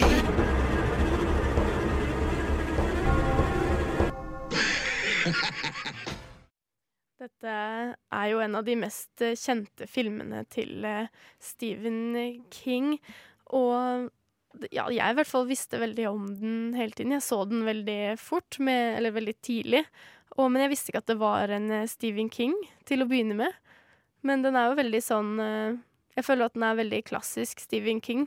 Og mm, den er liksom bygd på sånn derre what if, som jeg føler er basisen til veldig mange Stephen King-historier. At det er sånn Hva hvis de drar på et hotell, og så blir han gæren av å bo der, liksom? Eller så er det haunted. Eller Det er liksom veldig ofte sånn Stephen King sine historier begynner, og dette føler jeg er et veldig, veldig godt eksempel på det, da. De drar til hotellet, og så viser det seg jo at det at uh, man blir veldig påvirket av å være der. Av uh, litt sånn Stan, Det er Stanley Kubrick som har uh, regissert den. Famously regissert den og directed it. Um, og han og Stephen King hadde jo en liten De hadde en liten sånn fundamental uenighet om hvordan historien burde bygges opp. Eh, og sånn at boka er jo veldig sånn som vi snakket om, at det kommer påvirkninger, og så ser man en endring i karakteren eh, i løpet av historien, mens i filmen så får man jo litt mer inntrykk av at dette er iboende i karakteren, sånn som vi snakket om med Carrie, at det er iboende i han hele tiden, da. At han, eh, han blir jo rett og slett gæren etter hvert. Ja, altså det er jo eh, Stephen King hater jo Kubrick-filmen. Oh yes. Fordi den er så forskjellig fra eh, boka eh, som den er, det den er, da. Eh, og det ble jo også sånn at han eh, fikk jo på en måte krangla seg til rettighetene til å eh, lage sin egen eh, versjon etter hvert. Eh, hvor det er, det er en miniserie eh, på tre episoder fra 1997. Eh, Kubrick sin versjon er fra 1980. Eh, hvor han har på en måte lagd Satte Lagd historien veldig mye tettere opp mot eh, mot boka, da. Og det er Mm. jo eh, interessant, men det er jo også fire og en halv time til sammen. Ja, liksom. fordi du må ha så mye tid for Ja. å få med alle relasjonene, all, alle de her små detaljene som gjør det tydelig da, at det er ytre påvirkninger som gjør Jack gæren. Fordi Stephen King mener jo at han er i utgangspunktet en god person, og at han hele tiden Altså, essensen med filmen, mener jo han, er jo Jack sin indre krangel mellom godheten i seg selv og ondskapen som han blir påført fra hotellet. Og det kommer jo ikke fram i filmen i like stor grad i det hele tatt. Jeg får veldig sånn, Når jeg ser filmen, så får jeg egentlig veldig følelsen at det er mer sånn at Jack egentlig alltid var litt smågæren, og så at han at det egentlig er mer sånn der hytte, hyttefeber, hvis dere vet hva det er. At Ja. du er stengt inne for lenge, og så blir du gæren av altså isolasjonsskader, liksom. Det som er så morsomt med denne filmen, eller ikke morsomt, da, det er egentlig veldig tragisk, er jo at uh, istedenfor at man har en utvikling, uh, en veldig tydelig utvikling i karakterene, så har vi jo hatt en utvikling med skuespillerne. Fordi stakkars uh, Shelley Duvall, hun ble jo helt ødelagt av denne filmen her, og har jo hatt store psykiske problemer etter at Jack Nicholson rett og slett var skremt livskiten ut av henne. Og Stanley Kubrick. For Og han Stanley gikk jo, det er jo på en måte dokumentert i en sånn, det er en dokumentar om The Making of, jeg husker ikke hva den heter, men som kona til Kubrick lagde. Mens de lagde den, så gikk jo hun og filmet liksom bak scenen og sånne ting, og der kommer det jo fram at Stanley Kubrick, altså Um, Picks on her, jeg husker ikke hva det heter på norsk. Han går og terger henne, plager ja. henne gjennom sendingen. Så har hun jo sagt etterpå sånn, ja, jeg vet jo at det var for å liksom få meg på mitt beste. Og han har jo skrytt av henne veldig i intervjuer og sånne ting. Men hun, altså, hun led jo av liksom stress og hårtap og depresjoner under eh, spill, spill, innspillingen. Ja, en av de andre tingene som var skummelt, var at Jack Nicholson han brøt jo nesten aldri karakter. Fordi han sier at det å komme inn i dette nivået av gæren når du først er der, så er det vanskelig å liksom kutte det ut. Eller om du da kutter det ut, så er det vanskelig å komme inn igjen. Så mellom opptakene Jeg tror de gjorde den Here's Johnny Hvor mange ganger var det? 60 dører brukte de. Ja, de. brukte 60 dører, 60 dører på det, fordi Mm. Kubrick ble aldri fornøyd med Duval sin, uh, sin prestasjon, eller sin, liksom, hvordan hun reagerte. Så den siste, eller en av de siste de brukte, så fikk hun beskjed om at det skulle skje en gang. Hun fikk oh, ja. beskjed om at det var pause, og så klikker det jo for eh, Jack Nicholson. Han skriker jo mens han står der. Hun ble jo kjemperedd, åpenbart. Det er jo det som er litt med denne filmen også. For nå fikk, har vi ikke sagt så veldig mye om hva den handler om, og sånne ting, for det er jo kanskje en veldig kjent film, og man har jo hørt hva den handler om, eller man har kjen godt kjennskap til den. Så det er jo veldig mye av det rundt som er på en måte minst like spennende om den filmen, syns jeg. Jeg kan jo si at den er jo kåra til liksom flere ganger til en av verdens beste skrekkfilmer og sånne ting. Den er bare liksom så anerkjent i huet og ræva, holdt jeg på å si. Og den, ja. Jeg vil bare si at første gang eh, jeg så den, så uh, syntes jeg at den var så ekkel. Uh, og det var liksom så spe spesielt, for jeg hadde sett den alene. For jeg hadde bare fått den anbefalt. Bare sånn, det er en god film. Og jeg bare OK, da ser jeg den. Og så kom foreldrene mine hjem fra hytta dagen etter. Og så spurte jeg eh, mamma, mamma har du sett The Shining, og hun bare vi snakker ikke om det. Mm. Sånn, vi, nei, jeg orker ikke.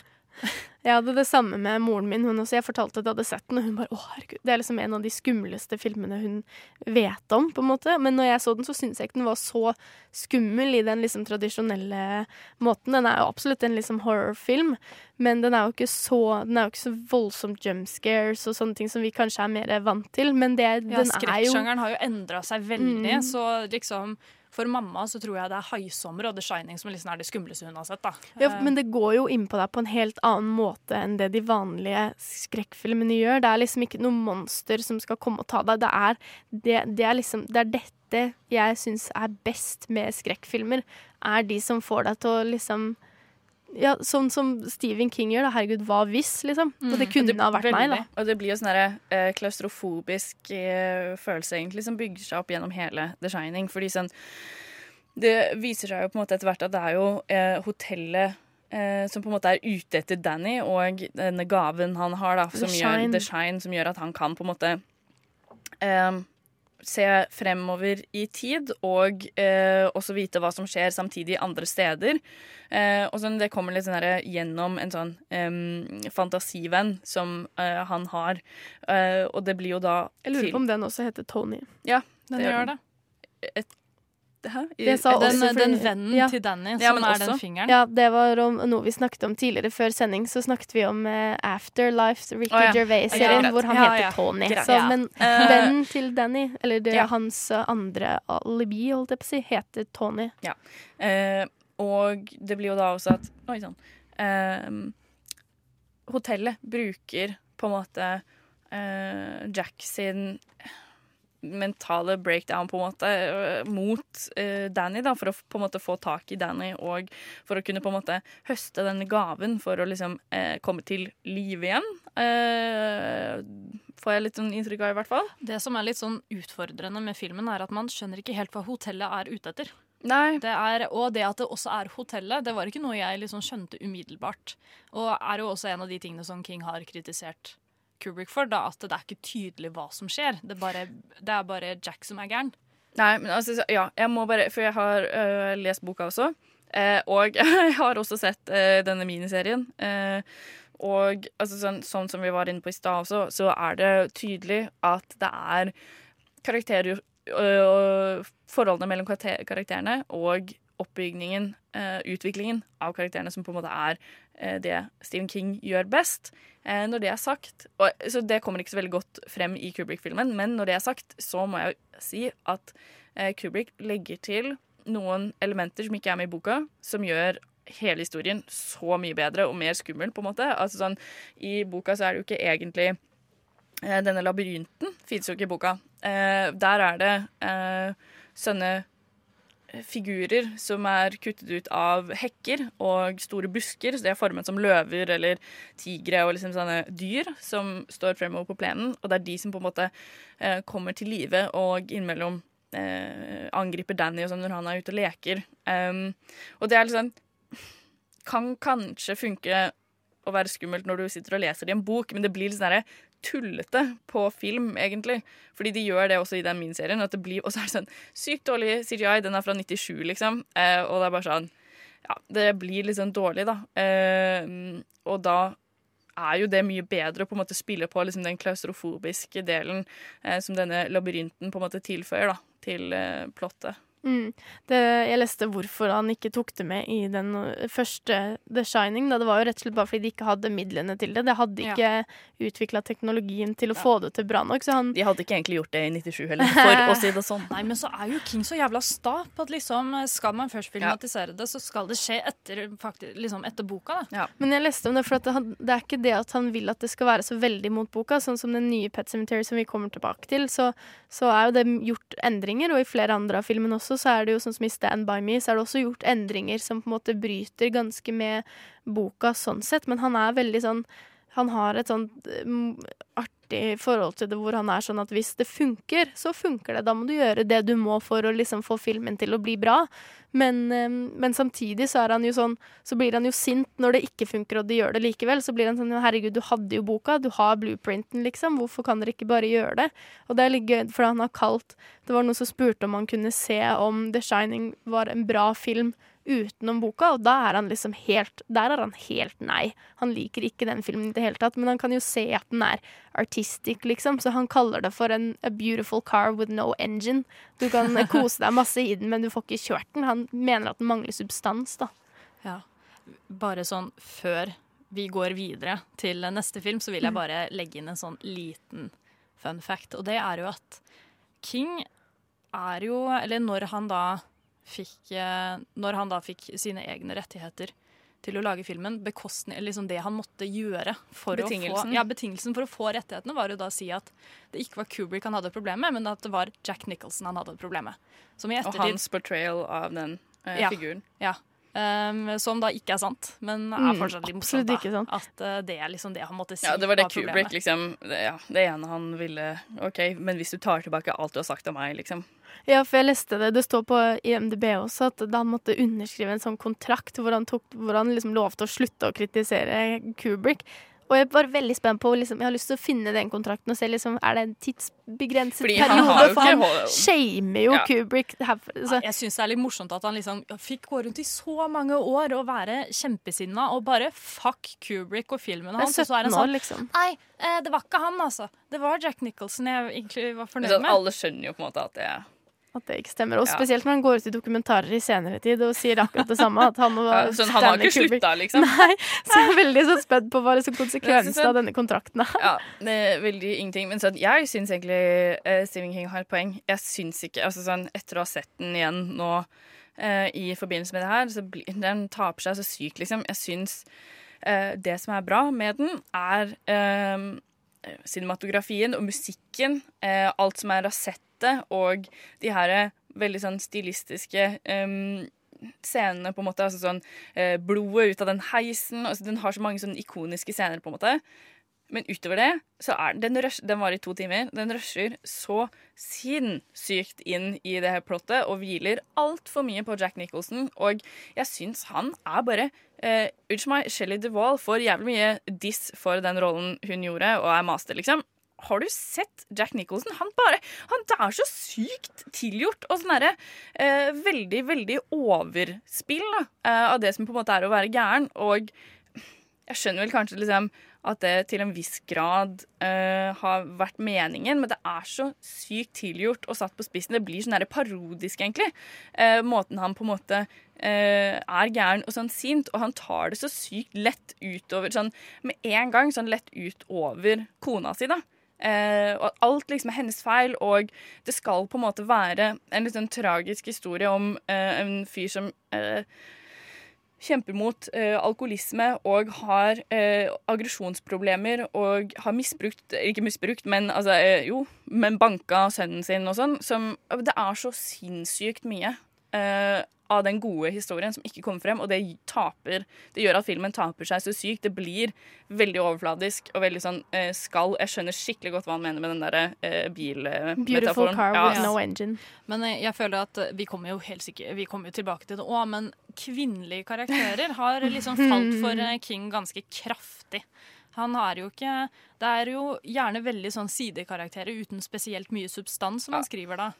Men kanskje det eh, reflekterer litt det med Carrie, at han måtte få hjelp av kona si til å det sånn, han greide jo det kjempefint. Ja. Hvorfor skal han Men liksom at det er en for sånn selvtillitsting, da, at han tror at han ikke får det til, og derfor prøver han ikke å få det til, for han fikk det jo til. Ja, så det, det, så må jo bare trist, være at liksom, det er så, sy det er så mønster som går igjen. Men når det er sagt, så uh, har jo Altså em, Wendy er veldig varm eh, og fin karakter i boka, på en måte. Og det som på en måte blir litt problemet med Shelley Duvall, er vel Eller det er ikke hennes feil. Eller det er litt feil casting, og så er det litt det at hun ikke får nok liksom, tid til å eh, Tid på skjermen. Det er på en måte ikke I dette tilfellet så er ikke det eh, Stephen King sin feil, syns Mm. jeg, da. Ja, for filmen. Ja. At den ikke, er, Ja. at den ikke veier opp lenger. Det er ikke Stephen King sin feil. Da. Men kan Mm. jeg da spørre Tale, anbefaler du eh, Kings sin versjon? Kings sin filmatisering på fire timer? Fire og en ja. halv. Eh, Fire og en halv, beklager. Ja, altså, jeg syns hvis du har eh, en kveld eller to Ikke en kveld, ikke sett på én dag. Eh, det blir litt mye. Jeg så fire og en halv time først av den miniserien, og så så jeg to timer med Kubrick etterpå. Det var litt mye. Men eh, jeg syns den er eh, veldig god.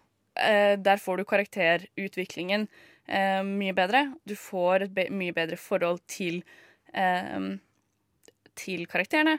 Eh, bortsett fra at eh, jeg har litt problemer med castingen i den også. Eh, Danny er ganske dårlig sånn veslevoksen, litt sånn snotty kid i eh, Eller sånn som liksom skal Eller sånn, han er veldig klar over at han er veldig søt, og så er han litt eldre. Eh, som jeg ikke syns passer helt. Eh, og så syns jeg han som spiller Danny i Kubrick sin, er eh, veldig skummel. eh, og- eller sånn ekkel, og det fungerer veldig fint. Eh, men så er det veldig tydelig at King har irritert seg veldig over Shelley Duvall. Eh, og jeg tror mye av det egentlig, Det er ikke bare King, men jeg tror mye av kritikken mot henne er, kommer av at hun ikke er tradisjonelt pen. Eh, og at det liksom legger til et sånn ekstra lag. At man blir litt sånn eh, mindre tilgivende for at hun ikke eh, har, spiller så veldig godt, da, på en måte. Ja. At hun er ikke, hun er ikke pen engang, på en måte. Hun eh, liksom bidrar ikke noen ting. Eh, og fordi det de har gjort i den miniserien, da, er å oppgradere håper jeg, i gåstegn, henne så til de grader. Sånn, hun er så sykt babe, liksom. Og sånn derre eh, Ser ikke ut som at hun har hatt barn i det hele tatt. Eller liksom Ja. Mm. Nei. Vi kan, uh, sikkert jeg er bare eh, veldig, veldig blanda følelser. Uh, men jeg har liksom egentlig kommet til den konklusjonen at um, alle tre, Uh, miniserie, film og bok, greier veldig fint å stå på egne ben. Mm. Um, og er gode på hver sin måte. Og på en måte burde liksom ikke egentlig blande så veldig mye sammen Mm. til Mens- en sånn der suppe som vi driver Ja. med nå. Men, men som at den liksom hvis det, er, hvis det er Stephen King du er ute etter, så er det kanskje ikke Shining du skal gå for. Nei. Altså Kubrick sin, da, tenker du på? Ja. ja. Uh, mens uh, jeg syns boka er veldig god på sin måte. Kubrick sin er ganske god på sin måte. Det er min serie også, egentlig. Mm. Ikke sagt det, men jeg kan si det en gang til. Radio Nova. På, på På DAB og nettradio. På radionova.no. Jeg har egentlig sagt det, men jeg kan si det en gang til. Radio Nova. Da har vi kommet eh, dit i programmet at vi er på Eller vi er i eh, 1983, og filmen heter Christine. Eh, Christine er en eh, bil, nærmere sagt en eh, Plymouth eh, 1958, tror jeg. Den er rød og eh, har hvitt tak og hvite felger. Og eh, fanger spesielt eh, blikket til eh, kjempenerden Arnie, som bestemmer seg for å redde den fra eh, dynga. Her name's Christine. I like that.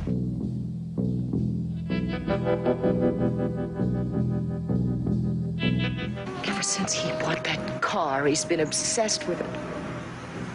And you know what else?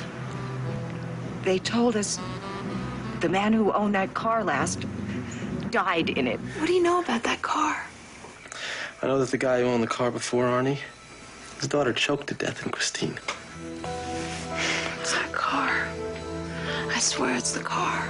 How's Christine coming? Well, after I cleaned up the broken glass, it wasn't so bad. So what if you you fix it up, you know, and he just comes back and does it again? He won't do it again.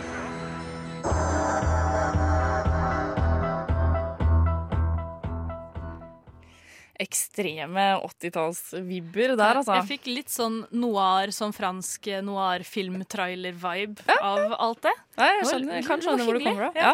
Jeg fikk litt sånn Pet Cemetery-vibes. Jeg, What if it comes back and does it again? Oh my god! ja, altså, det her er bare ja, Det er skikkelig, skikkelig Stephen King. Eh, sånn epitome, nesten, av Stephen King, føler jeg. Sånn, fordi det er liksom, den har alle tingene som han eh, liker. Det er sånn coming of age, eh, revenge of the nerd og eh, liksom biler med Eller sånn em, objekter, da, med em, overnaturlige evner. Så det her handler jo da også, uh, som sagt, om Arnie, uh, som har liksom én venn, som er ganske sånn kul, uh, hierarkisk på high school. Så han støtter seg veldig på um, denne vennen.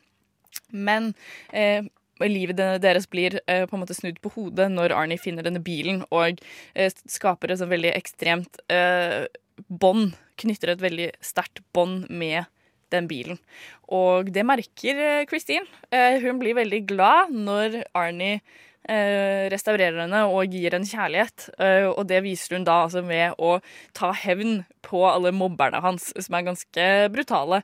Eh, både mobbingen og eh, hevnen Ja. som hun eh, utfører på, på dem. Nå er det veldig lenge siden jeg har sett filmen, men eh, jeg leste også boka. Og der er det jo en veldig sånn spesiell måte hvordan Christine blir reparert på. For det han starter med, i hvert fall i boka, er jo at han bare dytter henne liksom rundt i eh, skrape, skrapedynga. Fordi jo mer hun blir brukt, jo mer reparert blir hun. Ja, fordi Ja, det er sant. Så han Eh, restaurerer den ikke selv? Liksom, Nei, altså, det, det er sånn, skjer- det er sånn ja. magi ved det. da holdt på å si. Det er en sånn rar greie med at bilen blir liksom finere og finere, og vennene til Arnie er litt sånn Ja, men han vet ikke hvordan man gjør det der! Sånn, hæ? Hva er det som skjer? Så det er litt sånn her at hun sånn blåser seg opp og sånn bulker ut sine egne bulker og sånn uh, etter hvert. Og så uh, ser man da også sånn Uansett hvor hardt du prøver å på en måte vrake henne, uh, så kommer hun bare tilbake igjen. Sånn at hun har endt opp i en sånn bitte liten sånn kube eh, som er flatpakka, eh, og så bare bretter seg ut igjen som en sånn oppblåsbar eh, båt, på en måte. Sykt Ikke sant? fett. Sånn bil vil jeg gjerne ha. Det føler jeg at sparer veldig mange regninger. Så hørte man jo også da at det liksom har skjedd eh, kjipe ting i eh, denne bilen fra tidligere, som også eh, på en måte er med på å spille på det her eh, overnaturlige da, som er ved, ved Christine. Og jeg bare syns det er en så fantastisk eh, kul og sånn, egentlig litt sånn enkel eh, historie, uten at det er sånn Ja, det er ikke så mye sånne eh, greier, da. På. Mm, for det, det høres jo ut som Konseptet høres ut som en, enda en sånn Den klassiske what if. Som jeg føler er bare sånn stereotypisk uh, Stephen King. Liksom At det er en what if-greie. Sånn what if a car liksom hadde en sjel, eller uh, Jeg ja. synes at liksom de what if-elementene hans er så Hvor kommer det her fra, liksom? Ja, men noe av det kommer jo, fra, jeg, noe av det kommer jo fra en ø, opplevelse han har hatt selv, eller en erfaring er han har hatt selv, og så legger han til et eller annet element. Så det er ofte sånn at han kombinerer to ting, sånn som det overnaturlige og en bil man elsker, liksom. Så han hadde sikkert en eller annen bil han elsket, som ble vraka eller noe sånt nå, og så bare fader, jeg skulle ønske jeg kunne hatt den bilen. Ding! What if den kom tilbake igjen? Men så ble den morderisk. Ja, eller sånn Mm. et mobbeoffer og en hevngjerrig bil, på en måte.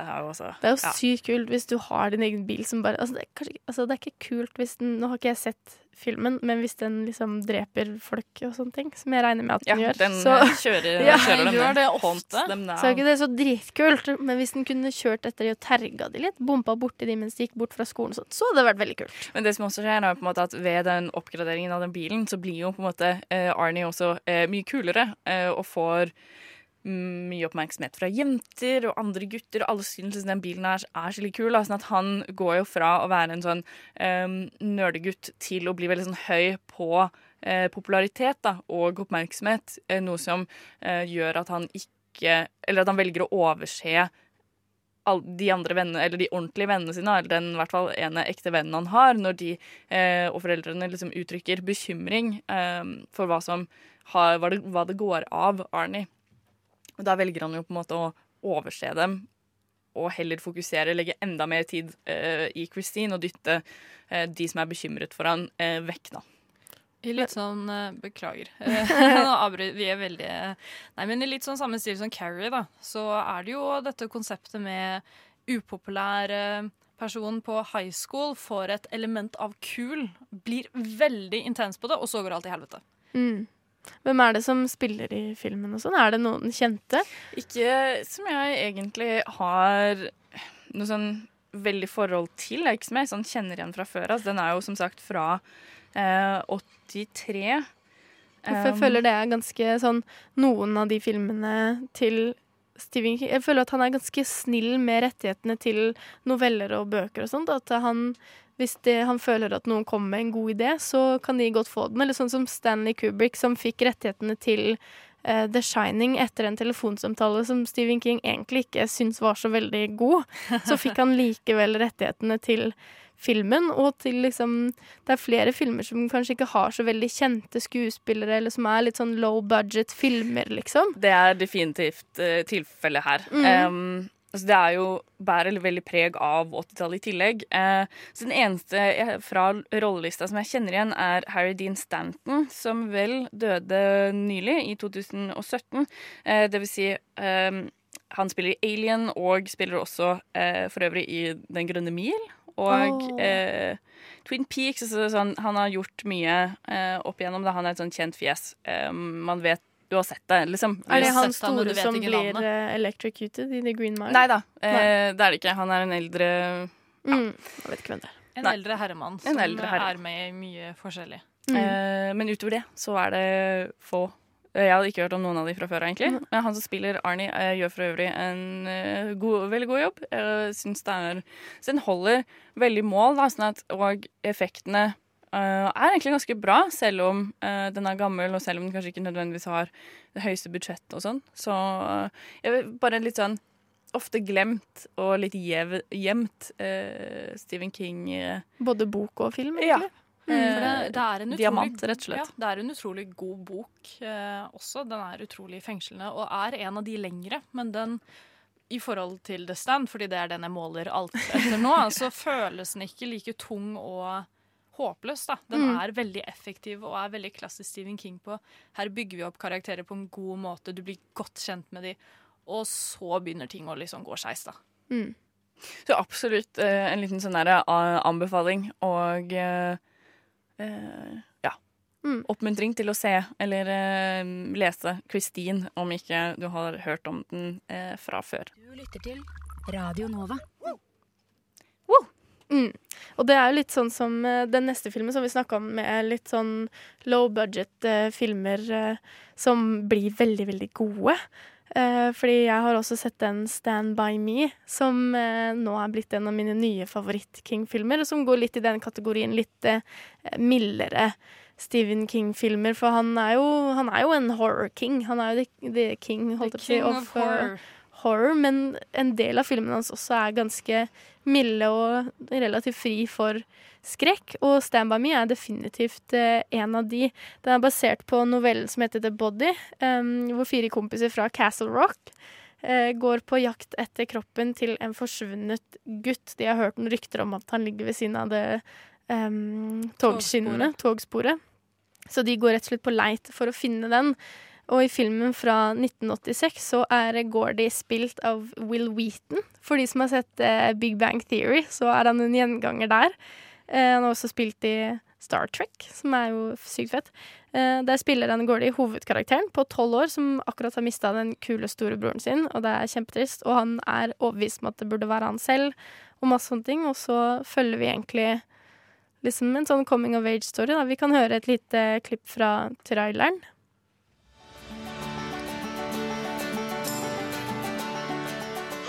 Oh man, wait to hear this. What is it? man? You guys want to go see a dead body?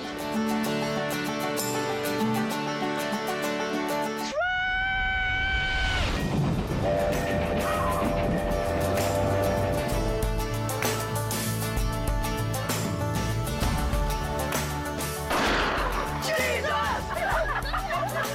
This is really a good time.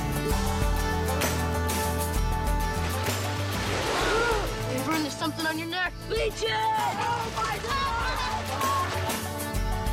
I want to see a dead kid. Maybe it shouldn't be a party. I'm never gonna get out of this town, am I, Gory? Så det er jo en eh, veldig, veldig nydelig film. Altså Hvis ikke det der hørtes ut som eh, sommeren, eh, den beste sommeren Ja. i, du har hatt noensinne i hele ditt liv, så vet ikke jeg. Det, det, bare sånn. er jo litt det det er eh, for de guttene. Det er jo fire venner, to av de som er veldig close, som da går på jakt etter denne kroppen. Og så følger man liksom disse i deres adventure, og alle kommer liksom fra dysfunksjonelle familier og er litt sånn karakter selv. Det er litt sånn karakter vi kjenner igjen fra, fra andre Stephen King-filmer også. Litt den derre trøblete Han som sliter med aggresjon, er veldig sint. Det er jo han Teddy Duchamp. Og så er det han um, Vern, som er han litt runde, dumme, fremstilt som den dumme, men morsomme typen. Og så er det han nerdy, som er Will Wheaton, Gordy. Um, som for øvrig elsker å skrive historier og, og fortelle historier. Så i, i filmen så forteller jo han Det er Rob Reiner som har regissert den. For de som liker New Girl, så spiller han faren til Jess Day. Og bortsett fra det så er han veldig, veldig flink eh, regissør. Har regissert masse. Han har regissert en som heter eh, Being Charlie, med han fra Love Simon, som kommer nå Kom, eller kommer nå snart. Um, og han gjør jo bare en helt utrolig god jobb med den her, syns jeg. Det er jo en ganske annerledes film enn det vi er vant til da, fra Stephen King. Den, eh, det er den. Eh, Jeg kom jo nå på at dette her er jo nok den første Stephen King-filmen jeg så, fordi den er jo vanlig pensum. Eller pen pensumsfilm. Det er en veldig vanlig film som ble vist, i hvert fall på den skolen som jeg og Tale har gått på. Så Eh, ikke dere den? Nei, vi så The Shawshank eller Den grønne mil, tror jeg. Oh, ja. Nei, Mm. da, var det, da var det bare meg, da. Men jeg så den i forbindelse med skolen, og skjønte ikke helt som niendeklassing hva den filmen var ute etter, da. Som Nei, var dumt. for den, den har jo på en måte ikke en sånn voldsom handling annet enn at den, de skal finne denne kroppen, og så er det bullies, altså eh, pøbler som er ute etter det også samtidig, og så er det liksom bare relasjonene mellom de fire, da. Men det er jo det som Stephen King er så utrolig god på, og dette er en film som virkelig får frem det. Den er jo basert på en novelle, så eh, originalmaterialet har jo vært mindre, som kanskje har hjulpet regissøren litt, at det ikke har vært så voldsomt mye du må kutte ut.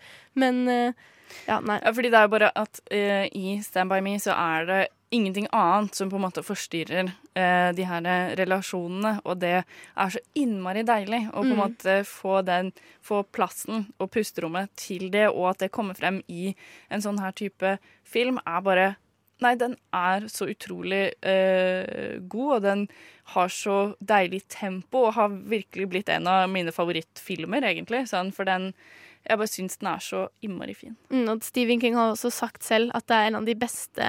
Han så visningen. Rob Reiner viste han eh, filmen. Og så forteller Rob Reiner at Stephen King sitter og rister mens han ser den. Og så forlater han liksom rommet, og så kommer han tilbake igjen og sier at dette er en av de beste eh, adopsjonene av hans verk han noensinne har sett. Liksom. Og dette, denne kom etter liksom, The Shining og av andre store filmer som er gjort av Stephen King. Fy fader, da har du fått tidenes godkjenning Oh, yes. av, av King. Altså, for Oh, han har jo ikke vært uh, Ja, spesielt ja, han, har, han har ikke vært spesielt hyggelig, da. Nei. Men jeg eh, kom på en uh, veldig sånn parallell til denne filmen her. Fordi et par år etter uh, dette her, så kom jo film, eller miniserieadopsjonen av It. Som på en måte er den, egentlig den samme historien, men med da et, eh, et overnaturlig blikk. eh, Eller et overnaturlig element i seg, da. Så det er egentlig et veldig godt poeng. At det er liksom samme eh, base, eller sånn samme utgangspunkt. Absolutt, for dette denne for de som eh, har så lyst til å være en av de som har sett en Stephen King-film, men som ikke liker horrorfilm. For veldig ofte når jeg spør venner, og sånn, så er det sånn nei, jeg liker ikke skrekk. Så de har ikke sett Stephen King. Eller tror de ikke har sett Stephen King. Det At man til kanskje prøver å unngå det litt. Ikke sant? Så er det sånn Nei, nei, nei. nei, nei. Se på, altså, han har jo andre filmer du kan se, og Stand By Me er definitivt den. Den er helt skrekkfri. Den er fri for overnaturlig. Så det, den her er absolutt et sted å begynne, liksom, hvis du vil se noen av de Hvis du vil kunne skryte av at du har sett Stephen King-filmer, så kan du begynne med denne. Jeg er veldig enig. Eh, jeg vil også bare gi litt plass til å si at eh, altså Du sa at du har to av eh, barna, på en måte, eller guttene, som er eh, litt nærmere hverandre. Og eh, det, bestekameraten til eh, liksom Will Wheaton da, eh, er jo spilt av River Phoenix, og som jo da er, så vidt jeg har skjønt, storebroren til eh, Walking Phoenix. Og eh, som han, River Phoenix døde i 1993 eh, av overdose, tror jeg. Og før det, så, men før det så rakk han også eh, å spille i eh, My Own Private Idaho, hvor han også møtte Keanu Reeves og ble bestevenn med han. Og de har et veldig, sånne, veldig fint, fint forhold som bare ja, Det blir sånn ekstra trist, nesten, syns jeg. Og det er sånn Du kjenner jo disse, alle disse karakterene. Skuespillerne er jo valgt fordi de minner om karakterene i filmen, og du føler jo at du kjenner disse ungene etter Ja, å ha sett det. ja, så man får jo altså, et veldig nært forhold til spesielt da River Ja. Phoenix, som bare blir sånn en varm klump inni hjertet ditt, liksom. For den eh, ja, kom er jo bare da par år liksom før han døde, og det er bare sånn Mm. Ikke et par år, da. Litt Han var 16 da han kom ut. Ja. Så han døde syv år senere. Ja. Fy flate. Men jeg er, det er tenkte- trist. Jeg tenkte også sånn Apropos universet, så har vi ikke snakket så mye om hvordan de filmene til nå er, eh, henger sammen. Men eh, i eh, For å komme litt tilbake til det, så er det han Teddy Duchamp, som er han med briller, han litt eh, sinte i filmen. det er sykt søtt. I Carrie, jeg husker, vet ikke om det er i boka eller i filmen, så ødelegger hun en bensinstasjon Ja. som Ja, Teddy Duchamp stemmer. tidligere eh, jobbet på. Eh, mange har også sammenlignet hunden Chopper, som jager det gjennom en sånn eh, dumpster plus. I Stand By Me altså. Mm. Mm. eh, jager også Chopper hunden din, og de, han, han, sammen, han sammenlignes med hunden Cujo, som går bananas. Eh, karakterene kjenner også til, jeg tror det kommer fram i novellen sikkert, kjenner også til Shawshank Redemption, noe som ikke er så veldig rart, fordi det ligger jo rett utenfor Castle Rock. Altså Shawshank Um, fengselet. For Ja. Fengselet ligger rett utenfor Castle Rock, hvor Stand By Me finner sted. Eh, I tillegg til det så dukker tallet 237 opp, og det er en gjenganger i veldig mange Stephen King-fortellinger. For eksempel i The Shining så tror jeg at det er rommet rommet de bor på. Av en eller annen veldig merkelig grunn så har, de, har Kubrick bytta det nummeret til 217. Men er ikke det det skumle rommet som Jo. de ikke skal gå på? For jeg tror de bor på rom 237. Ok, Det kommer ikke Så i hvert fall sånn der, Det kan godt hende at det er sånn i bakgrunnen, Ja. men jeg la ikke liksom spesielt merke til Nei, det. For okay. jeg bare Men det Men- tror jeg er noe som liksom, det er sånn liten ting som dukker opp. For det er antall penger de har. Når de samler sammen pengene, så har de 2 dollar og 37 cent. Ja. Så det dukker liksom stadig opp. Og for å runde den av med en liten sånn Apropos rare valg de gjør av og til, så er jo filmen Castle Rock i Stand By Me er lagt til Oregon istedenfor Maine, av en eller annen veldig merkelig grunn. Og det er fordi at en av manusforfatterne trodde at når de snakker om Fordi Stephen King er jo født i Portland, Maine. Så når det snakkes om det i boka, så trodde han de mente i Portland, Oregon. Ja. Det er jo litt flaut, da. ja, det er faktisk litt sånn Og det, det er egentlig skikkelig bommert. Det er det.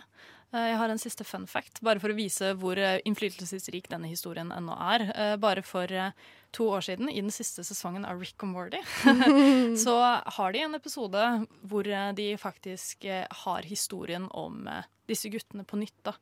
Når Det er mange sånne forskjellige Mortys som bor i The Cynadels, og så er det en gruppe på fire da, som hvor de har en feit en, en som er litt rar, oh, ja. og to som er Jo, stemmer. ja, Ja, Og så drar de da for, til et sted, da. Ja, Morsomt. Det er, den bare Den eksisterer ennå i uh, medieverden, sånn sett.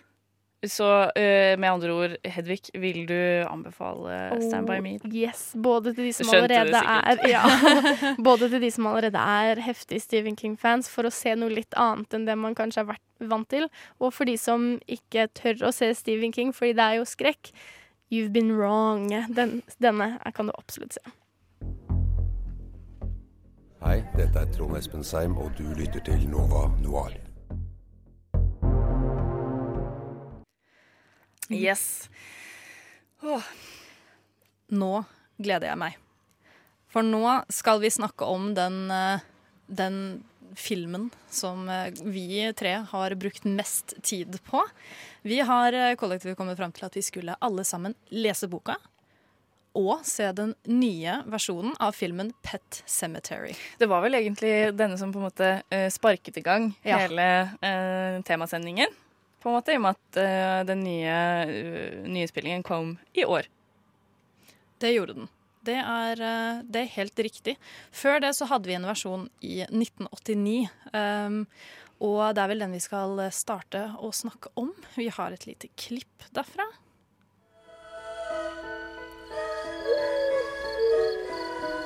What is this place? I brought you here to bury Alan's cat. Daddy, is church all right? Why, Judd? I have my reasons. I dreamed he got hit by a car and you and Mr. Crandall buried him in the pet cemetery. What did we do tonight, Judd? What we did, Lois, was a secret. May the Lord bless you and keep you. Has anyone ever buried a person up there? May the Lord make his face to shine upon you. You're thinking thoughts best not thought of. OK. Uh, um, hvor skal man starte? Ok, denne Eh, Jeg er nå den eneste av oss tre som også har sett versjonen fra 1984 1980, Nei. 1989. Unnskyld. Beklager. Um, nå gikk jeg helt på veggen. Men eh, det, av, det tenker jeg egentlig er greit. Um, fordi denne, denne versjonen her har de mest følelsesløse skuespillerne jeg noensinne har vært borti. Det hørtes jeg- litt sånn, eller det syns litt i traileren. på en måte. ja, Han som spiller hovedkarakteren, som da heter Louis Creed, eh, pappa til Ellie og Gage Creed, har null følelser gjennom hele filmen. Det er helt utrolig. Eh, filmen handler jo da om eh, Louis Creed, legen som flytter familien sin fra Chicago til Maine, eh, der han skal begynne å jobbe på The University of Maine som eh, ny lege der. Um, det går ikke sånn superfint. Den første pasienten han har, blir, eh, det dør jo. Eh, han, er, han er på jobb i fem minutter, og så er det en, en pasient som dør da, etter å ha blitt eh, meia ned av en Mildt sagt. Faktisk meia ned av en bil. Um, og han blir da advart om at uh, the barrier was not meant to be broken.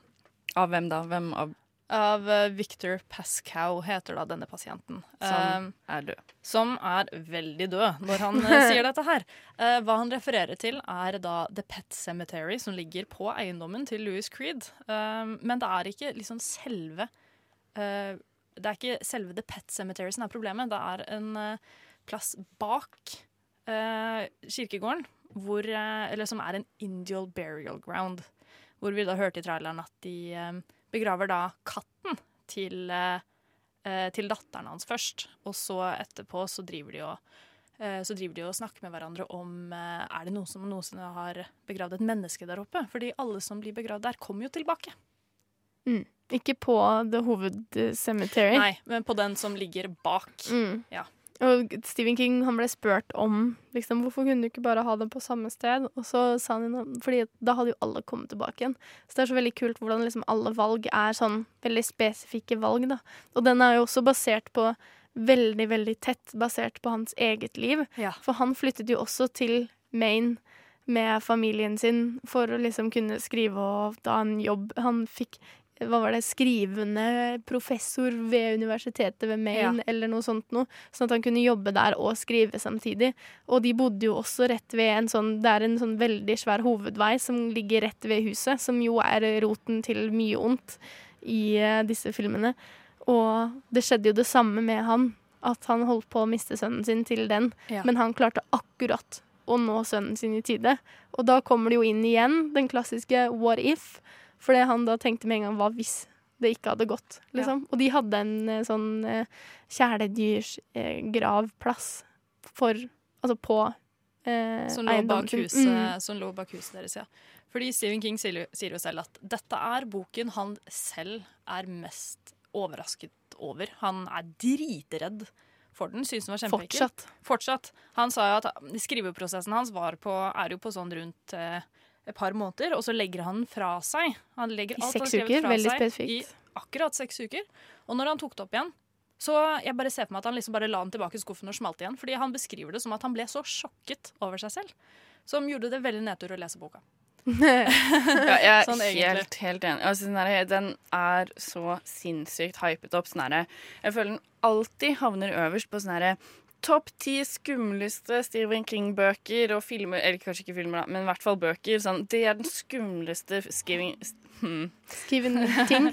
Stephen King-boken. Og jeg bare Jeg blir så irritert, fordi den er ikke skummel i det hele tatt, liksom. Mm, Tale og jeg hørte den jo på lydbok, og Ja. det beste med boka da er at det er Michael C. Hall Ja. som spiller Dexter, som leser den. Altså Derfor også så ble jeg litt sånn her skuffet. Så når jeg tenker på filmen nå, så ser jeg for meg at det er Michael C. Hall som spiller Mm. Louis Creed, men det er det jo ikke. Det, er nei. Men eh, det er i den nye versjonen, da, altså. Ja. I eh, den gamle versjonen, eller den gamle versjonen, den følger boka utrolig fast. Eh, og jeg tenker at det er derfor King har vært veldig fornøyd med denne versjonen. Det er jo også han selv som har skrevet screenplay til den Ja. versjonen. Det vi hørte forresten av presten i det trailerklippet i stad, det er Stephen King selv, som har inntatt en liten presterolle i filmen. Han er veldig morsom, eh, som veldig morsomt inkludert der, da. Og det tror jeg er en av få sånne cameos han gjør, eller? Ja. Det, og Han det ser ut spiller- som han storkoser seg. Han spiller forresten eh, også den her det? Dirigenten. Eh, Dirigenten Ja. i um, orkesteret i denne miniserien da, som han var så tett uh, av The Shining, som han var uh, så um, innblandet i. Der spiller han også da den dirigenten, som da het uh, Gage Creed. Og sånn apropos, for at det er jo en av grunnene jeg nevnte tidligere i stad, at On Writing er en av mine favorittbøker, og jeg har den på lydbok. Og den er det jo Stephen King som leser selv. Og en av grunnene til at jeg elsker den, er at han har en sånn veldig morsom L som man kunne høre i det trailerklippet.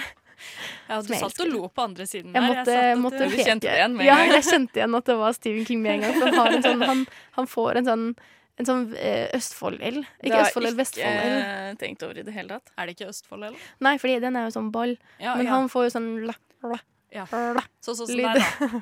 ja, sånn som meg. Sånn som deg. Han har min el! ja. Men i år så har det jo kommet ut en ny versjon av, eh, av denne fortellingen. eh, som vi, eh, i hvert fall jeg og Tale, var og så den sammen, så så Hedvig den et par dager senere. Og jeg må si at det var veldig mye mer positivt overrasket over den kreative friheten som den filmen har tatt i forhold til historien. da. Fordi når jeg så den eldre versjonen, så var det 100% den samme fortellingen, men nå har da regissøren tatt seg en faktisk frihet til å adoptere, adoptere boken sånn, eller historien da, så den fungerer bedre som film. Jeg er enig i det. Altså, sånn, fordi at I boka og i den gamle filmen så er jo Greia er jo at sønnen eh, altså Gage blir jo påkjørt av en semitruck og dør. Uh, Louis blir jo uh, fristet til å begrave han på eh, gravplassen. Han står opp eh, til live igjen og er jo ikke helt eh, sånn som han var. Mm. Og er Som eh, Judd sier, 'dead is sometimes better'. Yes, og eh, han blir jo morderisk og liksom kommer tilbake igjen og prøver liksom å drepe, eller dreper, eh, resten av på en måte familien sin. Eh, og i Altså det derre det fungerer på en måte i boka, men sånn der, jeg kan tenke meg, jeg har ikke sett den gamle, men at det blir litt sånn eh, parodisk. Eller litt sånn derre Child's Play, eh, Chucky-aktig. Veldig sammenlignet sånn to- sammenlignet Fordi Gage med er to Chucky. år, Ja. eh, og at liksom det blir litt sånn eh, ba Eller ikke barnslig, men uh, morsomt, på en måte. Litt sånn tragikomisk at liksom en liten baby på en måte, eller en toddler på to år uh, går rundt og dreper og sier sånne eh, stygge ting til de voksne og liksom Ja. I sånn liten masse. babystemme. Ja, det som, det som jeg så at de gjorde i filmen, var at de har jo faktisk brukt en dukke eh, i den eldre versjonen for å være Gage. Fordi det er ikke Det går ikke an noe annet, liksom. Så jeg skjønner veldig godt det byttet at de valgte å ikke bruke Gage i den nye versjonen. For der har de jo bytta til den e- storesøsteren hans, Ellie. At Ja, det er hun som dør. At det er og- hun som dør. Og det er mye mer naturlig at en tiåring kommer tilbake og er mye mer intens enn hva en toåring er. Du lytter til Radio Nova. Nå har vi jo beveget oss litt inn i eh, 2019-land da, av, eh, av denne historien. da.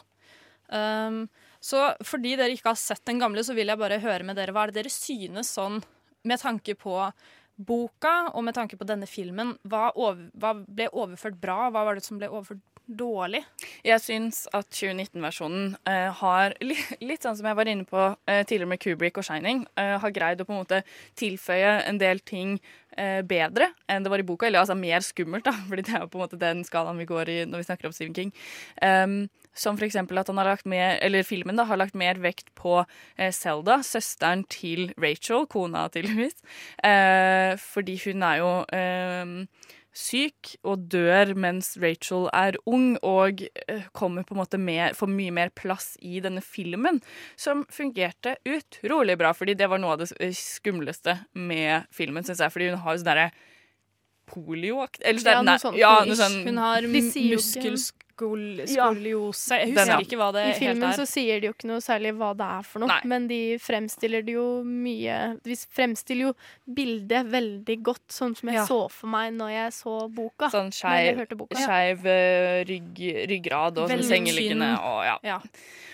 og eh, det syns jeg var veldig, eh, veldig bra. Og i tillegg Men eh, samtidig så syns jeg egentlig at eh, slutten i boka er bedre. Vil jeg bare Ja. si der før vi går videre inn på det. Men Det er jeg veldig, veldig enig i. Ja. Uh, vi har jo en veldig annen stemning i denne filmen, Altså, så jeg har klippa en liten trailer for den nå, for å bare Ja. vise forskjellen fra eh, 80-tallsversjonen og nå. It was a myth. Kids used to dare each other to go into the woods at night. They knew the power of that place.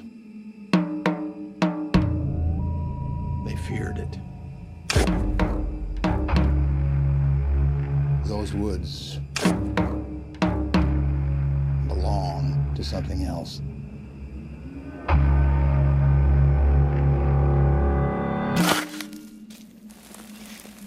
The ground is bad. Merker jo her at liksom bare stemningen er veldig annerledes, da. Eh, som jeg, jeg satte veldig pris på etter at jeg også så den eldre versjonen, fordi stemningen i den filmen er veldig uh, Sometimes that is better. Og så Mhm. er er- vi er på det nivået hele tida, da. Mm. Jeg føler at det er veldig mye det samme som um, Stephen King snakker om når han snakker om The Shining, at han føler at den mangler um, essensen av boka. For han er veldig sånn at um, Altså, The Shining mangler essensen av boka, for han er veldig sånn at så lenge essensen er der, så er det ikke så farlig hva de gjør med filmen. Hvis det funker, så funker det, liksom. Uh, og i The Shining så føler han jo at essensen er borte, substansen er borte. Mens i denne her så har han jo selv også sagt for den nye versjonen at han digger den. Han, syns, han er helt med på alle de her kreative frihetene de har tatt seg, fordi at de beholder essensen i boka. Og det må jeg jo si at jeg er ganske enig i, da. Ja, det er jeg også veldig enig i. Uh, bortsett fra at jeg må innrømme at ehm, jeg ble litt sånn Eller jeg syns at boka mangler en del sånn grunnleggende eh, ting, egentlig. Eller sånn, jeg ble ekstremt irritert på den boka. Spesielt fordi King velger å gi Eller være velger at det er Louis som er hoved, hovedkarakteren, når det åpenbart er Rachel som har en mye Ja. mer interessant narrativ. Eller sånn, hun har et mye, mye mer em, agency, da. Eller hva man, jeg vet ikke hva man sier på Mm, norsk, men sånn altså driv i eh, motivasjon i Mm. eh, historien. Fordi at hun har den her søsteren som har eh, dødd, og som hun har altså Da eh, Rachel var åtte år, så var søsteren syk, som sagt. Søsteren døde, og eh, Rachel var alene hjemme da hun døde. Hadde fått ansvaret av foreldrene sine til å liksom passe på den eldre storesøsteren, og eh, føler at det er hennes feil at det er hun som eller hennes feil at hun døde. Og så er det fucking Louis som bare sånn det eneste liksom, agency-motivasjonen han har til å liksom drive med eh, drive og kontemplere det her. Eller sånn, jeg føler at Hele greia hans er at han er lege. Sånn at han er vitenskapsmann. Og det er det som på en måte er hele sånn den indre liksom eh, kampen han har da mellom på en måte det overnaturlige og vitenskapen. For det er liksom eh, motivasjonen. Jeg syns det blir blir så jævlig teit, ass. Det hadde jo gitt mye mer mening hvis det var Rachel som fant katten død, og som Åh. bare hva faen skal jeg gjøre? Og så kommer Fordi hun liksom har den en der greia med døden fra før av. Mm. Og så hun vil ikke at Ellie, som eier katten, på en måte, eh, dattera, skal vite at den er død, fordi hun vil ikke snakke Hun er ikke klar. Rachel er ikke klar til å snakke med Ellie Nei, om Louis, døden. Louis er jo alltid den som vil at Ellie skal lære om døden. Fordi så det gir liksom- faktisk ikke ja. mening at han skal ville Fordi i boka så er det vel relativt Fordi både i boka og filmen så forteller jo ikke Judd ordentlig at det er det som kommer til å skje. Men han får jo I boka så er det mye tydeligere, for der har det vært litt snakk om liksom det her, så det er litt tydeligere at det er noe sånt noe som kommer til å skje, da. At han skal slippe å fortelle om det, liksom. Jeg tenker at veldig mye av det som ligger i Stephen King når han velger gjerne mannlige hovedkarakterer, er at det, det skildrer veldig hvem King har vært på den tiden. Og sikkert at det er derfor det er lettere for han å skrive. Jeg er helt uenig med at det er Louis som burde være fokuset når man ser på det sånn rent filmat... Eller uh, som man ser det- Dramaturgisk. Ja, dramaturgisk, liksom. Men jeg skjønner det med tanke på eh, hvor han var i livet sitt. Eh, fordi ja, det liksom er hans historie, på en måte. ja, som, som sagt, altså hadde jo han også en, lite, en liten uh, dyrekirkegård bak eh, huset sitt, og katten til hans datter, eh, som for så vidt er et lite easter egg i boka også, den døde jo, og de begravde den jo der. Jeg husker ikke hva den heter, men det Church. Nei, i- på virkeligheten. I oh, ja. virkeligheten. Katten hans? Ja. Smøkki? Ja, Smøkki. Smøkki. Smøkki. Jeg tror det. Noe sånt noe. Ja, for det er også med i boka og filmen da, at det står Smøkki, he was obedient. Ja. Og så er Mm, King og- sånn, det var han ikke. Og det har jo faktisk eh, datteren hans sagt. Og det er veldig Altså, dette føler jeg er en av de bøkene som i hvert fall tydeligst eh, kommer fram at det er liksom Han sier jo selv at alt i denne boka er hans liv, bortsett fra det overnaturlige, Ja. liksom. Fordi at um, Nei, um, dattera hans også Han så henne jo stå i garasjen og hoppe rundt og si 'God can have his own cat'. Church is mine, liksom. Og Mm, alt det. ja. Så, og han hadde en gammel mann som bodde ved siden av de, som han fikk et nært forhold til. Så dette er jo det en er en annen ting som det, filmen bare Det får ikke fjerner Men helt. Men vet du hva, det får ikke noen av filmene godt til. Det der far-sønn-forholdet Men ja, Judd og bestevenn. Sånn, det, var veld, det var veldig fint i boka, det forholdet de fikk. Men det er sånn, i den nye versjonen nå, så er det bare sånn Han virker som en sånn creepy gammel mann som bor ved siden av de, liksom. Som bare dukker opp. Det er så sykt sånn Deus Ex-maken. Sånn, han bare dukker opp akkurat når de trenger han til å forklare eh, hva det er som er greia med den kirkegårdtingen, og så bare forsvinner han på en måte litt igjen, og så dukker han opp og bare sånn Ja. Ja, så sånn, for det, Nå har vi snakket litt om boka, og, og hvordan den, at den også ikke er helt eh, super. Men sånn, når jeg satt og så filmen, så merket jeg jo at jeg syntes det var veldig vanskelig å ha boka så oppe i dage, og så har de gjort så veldig mye annerledes. Selv om jeg kan, etter å ha lest litt intervjuer og sånn med Stephen King, sånn som med deg og Shining også, så kan jeg se i bare motsatt, så kan jeg jo se at eh, filmen får til essensen, liksom, og at den Så jeg skulle veldig gjerne likt å høre med noen som ikke har lest boka, bare Mm. sånn spørre de syns du filmen funker som film. Fordi jeg klarer ikke helt å sette meg på siden fordi at den er så veldig annerledes fra boka i handlinger og valg, da. Ja. At, sånn som at Judd ikke er en nær venn, liksom, og at eh, egentlig så ser Louis ut som han syns han er jævlig irriterende hele tiden. At de endrer endingen veldig. Fordi den føler jeg, endingen følte jeg mista helt essensen til Jeg syns det var veldig rart valg. At de liksom velger Eller sånn, fordi i den her, da, som sagt, så er det jo eh, Ellie som dør og kommer tilbake igjen, og det fungerer jo veldig fint fordi hun blir veldig creepy og Ja. sånn uh, skal liksom leve som vanlig i de her klærne hun har. Og mye mer med en niåring enn en toåring. Så det fungerte veldig fint, men at liksom det ender med at hun greier å drepe dem, og at de også blir begravet og kommer til live liksom skal At hun klarer å trekke han Altså to Ja. voksne mennesker. Nei, men uh, det kan man jo også se i boka, da, at uh, på slutten av eh, av boka Pet Cemetery, så dør jo også da kona til Louis Creed. Ja, og det er han begraver så mye henne. mer interessant. Mm. At liksom, det er han som gjør det fordi sånn Og da skjønner du jo hele poenget at dette, denne Indian burial ground, den makten som er der, den kraften, at den fanger deg. Og at det er ingenting av det Judd har sagt sånn 'jeg gjorde det fordi Ellie skulle lære at du er bedre'. Det, det, det er ikke riktig. Det er sånn, det er man skjønner sånn at han bullshitter det òg, på en måte. Mm. Og så er det sånn, selv om til tross for at uh, Louis har opplevd ak øh, det akkurat det så tett på seg med Gage og sånt, så bare Nei, men det som var feil da, var at det ikke var kort nok tid etter at den døde. Og så eh, liksom skal han gjøre det, han gjør det igjen da med Ja. Rachel. Det er skikkelig bra og skikkelig eh, chilling slutt, Mm. på en måte. Og så gjør det til en sånn derre teit, litt sånn nå skal vi leve Ja, nå skal vi leve sånn sammen som en sånn død familie. Det ble så Så jeg føler at Jalla, denne egentlig. Virker som en film som vi er usikre på om vi kan anbefale til noen, men vi vil heller spørre andre om de kan fortelle oss om det er en god Veldig gjerne sånn invitere til et større, sånn større diskusjons... Uh... Focus group. Ja, vi var veldig, veldig inne i akkurat denne her historien her, at det er vanskelig å snakke om den. For det er sånn, hva kan Ja, man veldig vanskelig å se liksom? det utenfra. Fordi det er veldig mye bra og veldig mye dårlig, på en måte. Veldig. Mm, Det er eh, ja. Blanda. Så fortell oss gjerne om Ja. det er en bra film. Send oss en melding på Facebook. Ja, gjør det, vær så snill.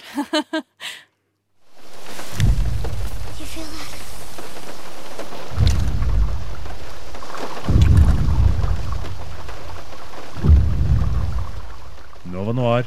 Det merkes på tyngden. Og da har vi kommet så langt i programmet at vi har beveget oss inn på 1990-tallet. Eh, da kom eh, It ut, eh, og det er jo eh, en miniserie også. Ikke én film, eh, men en miniserie i to deler, hvor hver av delene varer vel i rundt to timer. Og Eller halvannen time. Ja, det stemmer. Mm, litt sånn her, usikker på hvorfor de har valgt å gjøre det på den måten, og ikke liksom to filmer. eh, sånn som det blir nå med chapter one og chapter two. Um, og vi har jo da um, sett denne miniserien. Vi har ikke lest boka. Um, og den er jo, er jo veldig sånn eh, tidbundet, på en måte. Eller den lider veldig av eh, tiden sin, må jeg si. Eh, og det er også en av de lengre, eller lengste Stephen King-bøkene. Men altså, denne eh, fokuserer jo da på eh, denne klovnen Pennywise som eh, dukker opp igjen eh, og begynner å terrorisere eh, barn i byen Derry. Derry, selvfølgelig. Um, fordi den uh, fòrer på frykt og trenger mat hvert 27. år, er det vel? Vi kan vel ta og høre litt på den eh, traileren.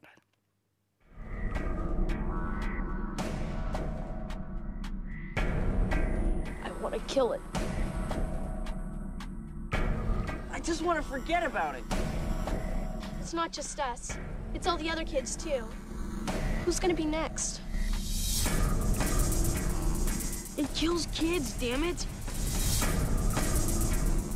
Killed my brother George, you bastard. Let's see you now. Maybe it's the water. Water.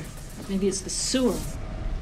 Ja, eh, altså det her er jo eh, sentrert på en eh, gjeng med barn, som er eller en vennegjeng, eh, bestående av Bill, Mike, Richie, Eddie og eh, etter hvert også Beverly, som er den, den eneste jenta i gjengen. Eh, og de finner jo ut at uh, etter hvert ut at det er Pennywise som terroriserer byen og dreper barn og spiser dem fordi han uh, har også evnen til å på en måte forhandle seg til det uh, individet Eller sånn det de han står overfor, er mest redd for i hele verden. Så det blir på en måte en sånn derre Det er frykt i seg selv uh, som på en måte er det som er skummelt med Pennywise. Um, og jeg må bare si, eller sånn, Det begynner jo litt sånn som eh, vi var inne på i stad, så minner jo det bitte litt om eh, Stand By Me. Bare sånn den vennegjengen med barn som på en måte Det er sommerferie, og det, alt liksom skal bli skikkelig bra, og så er de sånn eh, Kaller seg selv for sånn The Losers Club. De blir eh, mobbet. Det hørtes ut som det var sånn herre fin toneleie, sånn, og så blir de mobbet, og så er det koselig. Nei, men sånn litt uh, kjente um, temaer fra før av, da. Altså før uh, de finner ut at sånn uh, det er Pennywise som er kommet for å spise dem, på en måte. Ja. Vi så jo da denne miniserien sammen. Vi brukte en eh, lita ettermiddag på omtrent eh, fire timer på å komme oss gjennom eh, den òg, for den er jo ganske heftig. Mm. Måtte ha en lita pause imellom der. Um, og den har en veldig rar rytme. Ja. Den er veldig spesiell, fordi det de, uh, som vi kommer tilbake til, har gjort godt med den nye versjonen, er at de har først tatt delen av boka som handler om hva som skjer når de er barn først, og så går de over til hva som skal skje når de er voksne. Fordi Men det er også er det det som sånn på en måte blir eh, den der litt sånn naturlige todelingen. da, At det er eh, på en måte et sett med hendelser som skjer når de er barn, og så eh, over, hvor de greier å på en måte overvinne eh, Pennywise for denne gang, som gjør at han da kommer tilbake igjen eh, når de er voksne. Og eh, del én avsluttes jo eh, med at de inngår en sånn slags pakt om at de lover hverandre at de skal eh, De skal komme tilbake når de ja, er voksne. komme tilbake igjen til byen Mm. eh, med en gang eh, Pennywise viser seg eh, igjen, da. Ja, for jeg tror For å ta liksom hevn igjen. I hvert fall i den, um, i hvert fall i den um, nye så kommer det fram at de Jeg tror det er sånn at de er ikke helt sikre på om de har tatt han. De, ikke, de kan ikke være helt sikre på at han faktisk er vekke. Så det er derfor de lover hverandre at hvis han kommer fram igjen, så Skal vi skal, drepe han de på møtes, liksom? og liksom? da tar vi den på ordentlig, Ja. sånn at ingen andre skal bli skada av det, liksom. Og da skal de liksom være voksne og mer rutta til å ta han i utgangspunktet, da. Det stemmer jo ikke nødvendigvis helt, for det er jo noe sånn at når de er barn, så er de flinkere til å stå imot han, eller noe De har en fordel ved at Pennywise går jo mot Ja, barn. det er sant. Uh, og at uh, de tenker seg da at Ja. utfordringen når de er voksne, er at uh, det er ingen andre voksne som har sett han. Og det er jo denne gjengen som på en måte er den eneste som har muligheten til å ta han ut. Sånn i del to så får vi jo vite at Eller så ser vi jo at Pennywise er veldig redd for at de skal komme tilbake igjen, så han prøver å gjøre alt i sin makt for å hindre de til å komme tilbake igjen. Men fordi disse her står sammen og vet at det er frykt det går ut på, så hvis de klarer å overbevise, overbevise han om at de ikke er redde, så er de det sterkeste liksom, eh, motstanderne han har. Men Da. det kommer jo egentlig veldig mye bedre frem i den nye, syns jeg. Det derre samholdet og uh, det at det på en måte er uh, poenget at de ikke må være redde, som gjør at de liksom får overtaket, da. Jeg syns også det. Um, men den første syns jeg jo Det beste med den første syns jeg jo er Tim Curry. Jeg er jo Ja, usikker ja. selv på om jeg syns resten er så veldig bra. Nei. Del én er jo definitivt den bedre delen Åpenbart. av det, fordi de er de unge, og alt gir litt mer mening. Og det er litt mer sjarmerende. Det er litt mer sjarmerende. Altså, sjarmerende. ja, de kommer på en måte unna med litt mer. Eller det er liksom Det er noe med det at sånn Fordi barn er jo på en måte litt sånn uh, naturlig underdog. Og det Mm. er jo på en måte mye mer eh, tilfredsstillende å se da at eh, hvis de greier å liksom eh, vinne, da, ikke sant. Mm, og Stephen King får til barndom veldig, veldig godt. Nesten bedre enn voksen. En ting han ikke burde fått lov til å gjøre, er jo det mest kontroversielle med boka, som ikke er med i noen av filmene, er Heldigvis. at eh, Ja, heldigvis. er at i eh, historien så har han lagt til en orgy med disse tolv år gamle barna. Um, dette her er en passasje av boka som varer i ti sider, hvor han liksom detaljert beskriver hvordan alle guttene kommer inn i the manhood når de liksom går igjennom jenta, og så kommer de ut som menn. Og Stephen King har da forsvart seg i ettertid og sagt at 'men jeg tenkte jo ikke noe seksuelt om det'. Men altså, eller problemet her da blir jo at um, For det første åpenbart at de er barn, men altså at det er en eh, guttegjeng på uh, hva er de vel, fire, Fire. gutter, og så er de én uh, jente. Det er Beverly. Og eh, for det første at hun er den eneste jenta, er jo litt sånn Eller jeg vet ikke, man kan vel kanskje forklare det med at de er sånn eh, i De den alderen barn, eh, hvor det er vanligst å på en måte være med i sitt eget kjønn, men at hun liksom får lov til å være med i gjengen. Eh, hun er den eneste jenta, og hun blir liksom veldig portrettert som sånn eh, seksuell veldig egentlig tidlig. At sånn hun eh, har sånn rykte på seg til å være eh, seksuelt aktiv og horete og liksom hele den greia der. Og så blir jo selvfølgelig alle guttene i den gjengen skikkelig forelska i henne. Og så blir den derre det samholdet og den pakten på en måte knyttet sammen i den gjengen Mm. ved at alle guttene eh, faktisk har sex med Beverly. Ja. Og det blir jo veldig sånn eh, Nei, at det liksom skal knytte dem sammen. Det er det som på en måte eh, gjør gjør de det, det sterke, Ja. som er eneste som kan stå imot Pennywise.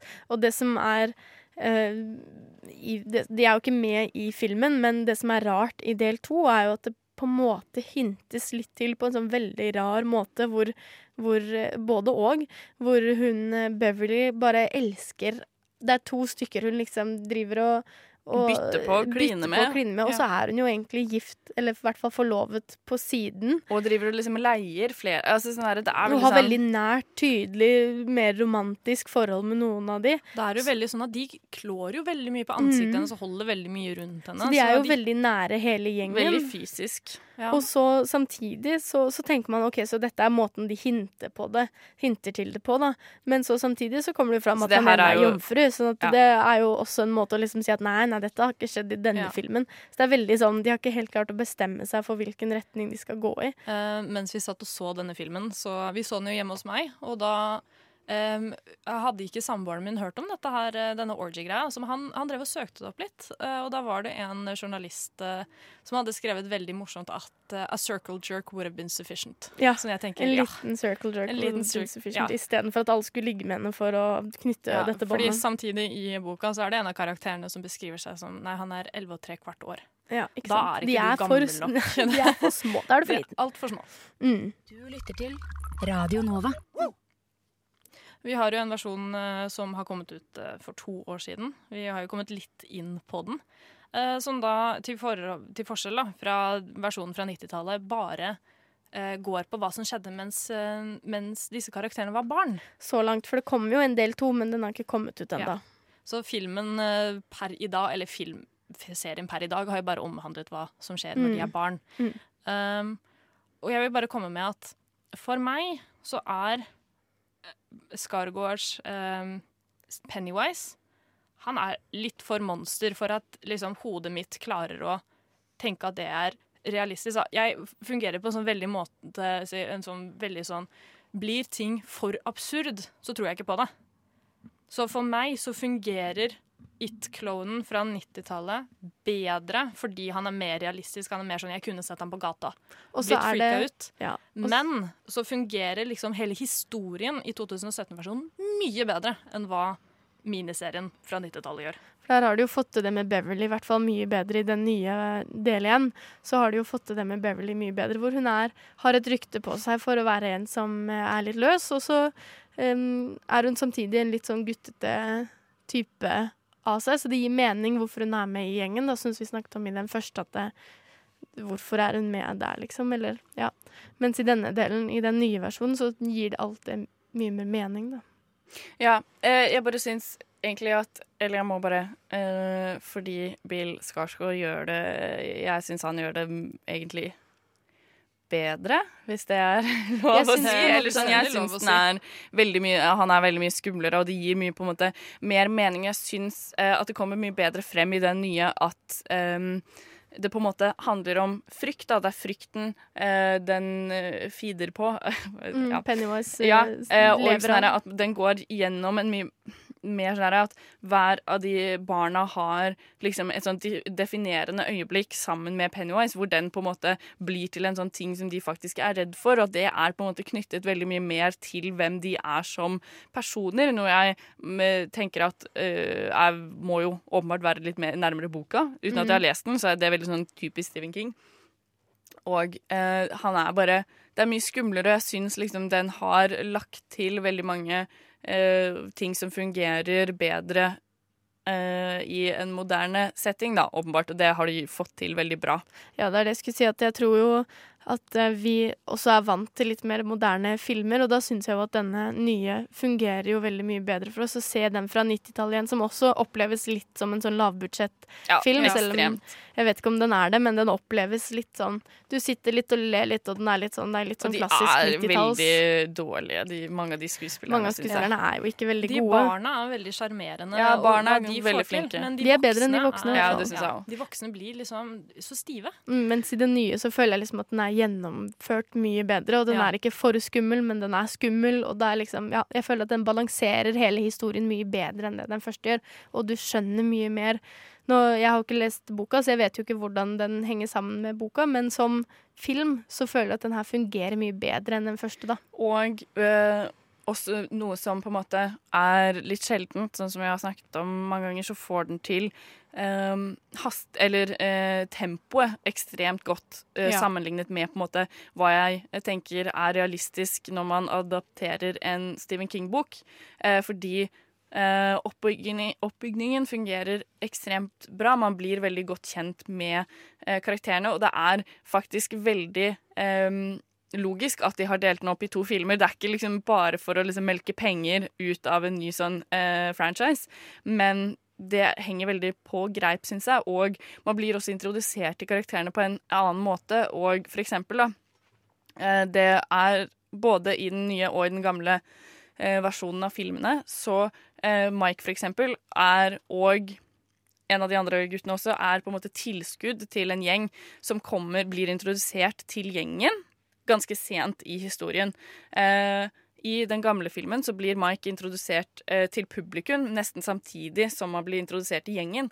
Men i den eh, nye versjonen så får publikum bli kjent med Mike nesten fra starten av Mm, filmen også, ja. men sånn- at det bare tar litt tid før han blir i gjengen, da, på en Mm, måte. så sånn filmmessig så er Veldig mye mer logisk og mer sånn ryddig, liksom. Mm. Vi Eh, kan jo høre en lite klipp fra den, eh, faktisk. Bare sånn for å se om vi hører litt forskjell.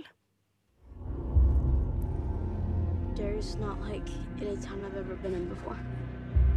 People die or disappear six times the national average. And that's just grown-ups. Kids are worse. Way, way worse. We all float down here. I saw something. There was this Clown.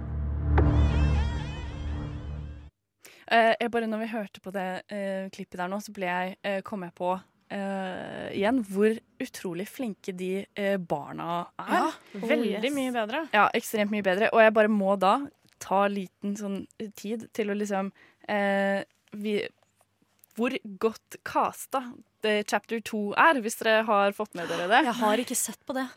Altså, da er det, det i Castingen i chapter 2 er så utrolig eh, bra, syns jeg. Det er Jessica Chastain som spiller Beverly, som eh, jeg syns passer veldig fint med liksom det røde håret og egentlig på en måte attituden til Mm. eh, Beverly i eh, chapter 1. Og så er det jo James McAvoy som spiller Bill når han er voksen. Det vil si på en måte hovedkidden, da. Eh, sjefen, på en måte gjengen, han sympatiske litt sånn nerden som sånn virker som kommer til å bli sammen med Beverly, på en måte. Og så er det Bill Hader som spiller Richie, som er han eh, kiden fra Stranger Things. Mm, som er sånn her, eh, ja, sånn, Nei, jeg bare syns det er så innmari godt uh, casta, da. Og Det lover han også, veldig godt. Han også som spiller James uh, Nei, jeg mener han som spiller Eddie. Han heter uh, James Ransone. Jeg vet ikke helt eh, Jeg har sett han før et sted, men jeg husker ikke helt hvor. Men han også passer veldig bra. Jeg bare blir helt, veldig sånn gira. Mm, jeg gleder meg skikkelig. Jeg gleder meg. jeg at jeg gleder meg enda Fordi mer. at jeg syns faktisk ikke den var så veldig bra første gang jeg så den. Den første delen, chapter 1? Ja, eh, Første gang jeg så den, så bare ikke? Dette er skikkelig teit og dårlig. Jeg liker det ikke i det hele tatt. Og så jeg nå likte den skikkelig. har jeg sett den igjen av det her, og så bare wow, det er skikkelig god film bare i seg selv, og sånn Det som er- i storytelling, på en måte. Det som er kult med den, synes jeg, er at den har med veldig mange av elementene i, fra den første filmen, liksom, fra historien. Den er jo veldig, holder seg jo ganske lik den første filmen, så de har jo ikke tatt seg noen sånn voldsomme kreative friheter, liksom. Nei, de har de har ikke bare fått det til bedre. Absolutt. Så jeg gleder meg masse til chapter 2. Nova. Radio Nova.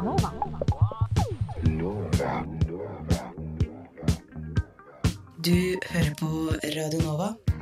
DAB, nettspiller og mobil. Nå gleder jeg meg. For nå skal vi inn på min favoritt Stephen King-bok og film. Den er eh, så gjennomgått bra. Eh, det er 'Misery' fra 1990 med Kathy Bates og Queen. Queen. Yes. Den, den, Og Paul Newman? Ja, Paul er det? Newman, ja. Um, den, den er så nydelig. Vi bare starter med trailer. The presumption must now be that Paul Sheldon is dead. You dirty bird. How could you? Misery Chastain cannot be dead. Misery Spirit is still alive.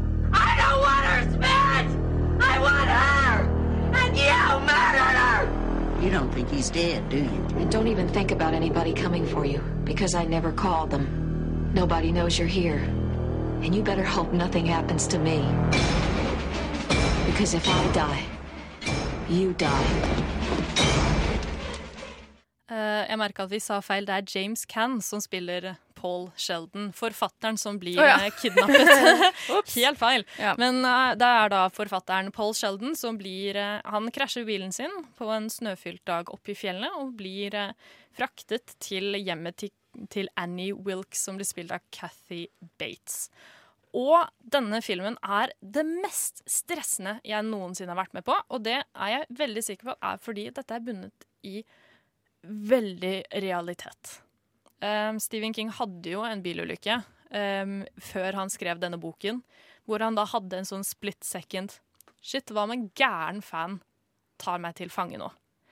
Um, og det Annie Wilkes er, er jo en gæren fan som er sinna fordi Paul Sheldon har drept da eh, sin hovedkarakter, Mystery Chastain. Så han blir tvunget til å bli på hytta hennes, eller på, huset hennes, og skrive da eh, Skrive boken om, så hun ikke er død likevel.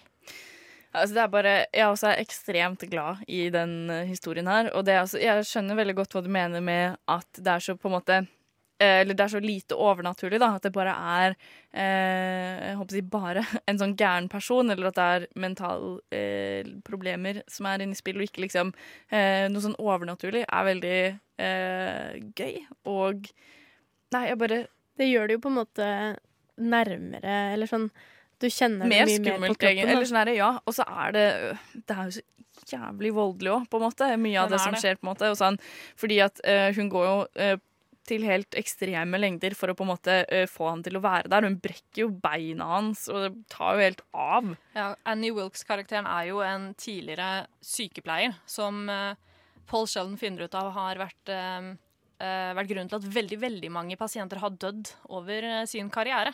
Og jeg vil bare applaudere til Cathy Bates for å få til denne rollen så bra. Fordi jeg klarte ikke å se på filmer med Cathy Bates en god stund etter det, for jeg ble så redd. Fordi hun er psyko. Hun er Ja. så psyko. Hun er Man så hører jævlig det. bra. Man hører det i klippet òg. Bare sånn Nivået av klin gæren er så høy. Og det er jo en, enda en av de her what ifs-greiene til Stephen King. For dette er jo klassisk den derre hva hvis du har en sånn psycho-fan, liksom, som tar deg og tvinger deg til å skrive om. Fordi at de er så sykt Obs- ja. fans, da. Obsessed. Det er, eh, det er ekkelt. Det er eh, intenst. Det er eh, rått. Og jeg satt og skalv når jeg leste boka. Det som også er veldig kult med boka, da, er jo litt sånn som eh, Carrie også, så tar han med på en måte Altså Stephen King tar med eh, utdrag fra Misery-bøkene, eller sånn, og det nye han skriver, da, de nye kapitlene eh, forfatteren Paul sk skriver til Annie.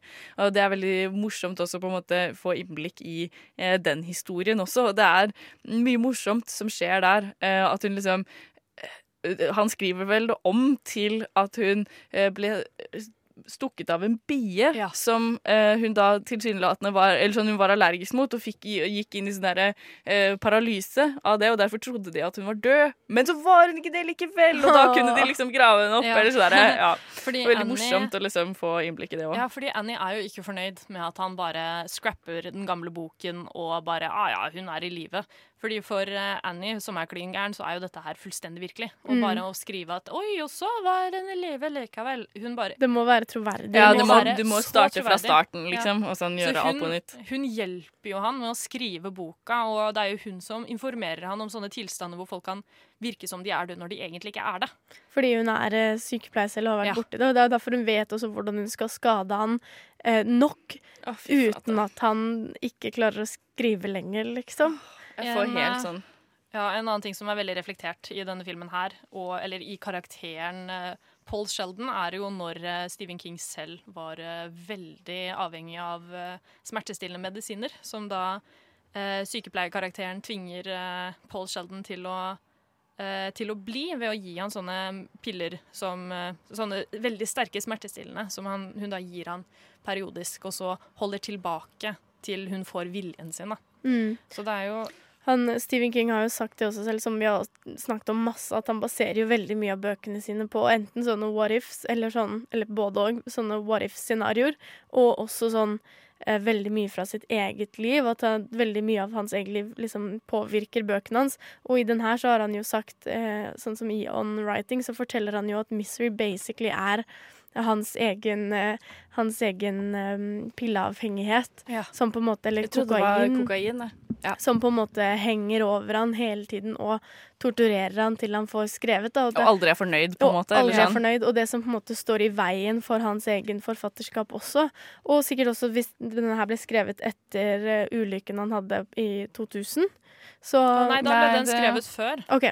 Oi, nå, oi, beklager, der tok jeg helt feil. Ja, for han blei ble påkjørt av en bil i eh, 2000 som knuste og Da var han sånn helt eh, ute å kjøre. da tenker jeg, da hadde han sikkert veldig mange mareritt. Og han fikk nok flashbacks, Ja. flashbacks til Ja. Misery, da, hvis den var skrevet før. Men eh, ja, det var den kokain som på en måte alltid hang over han og var den derre tortureringen Ja. som på en måte både fikk han til å skrive mer, men som også sto i veien. Da.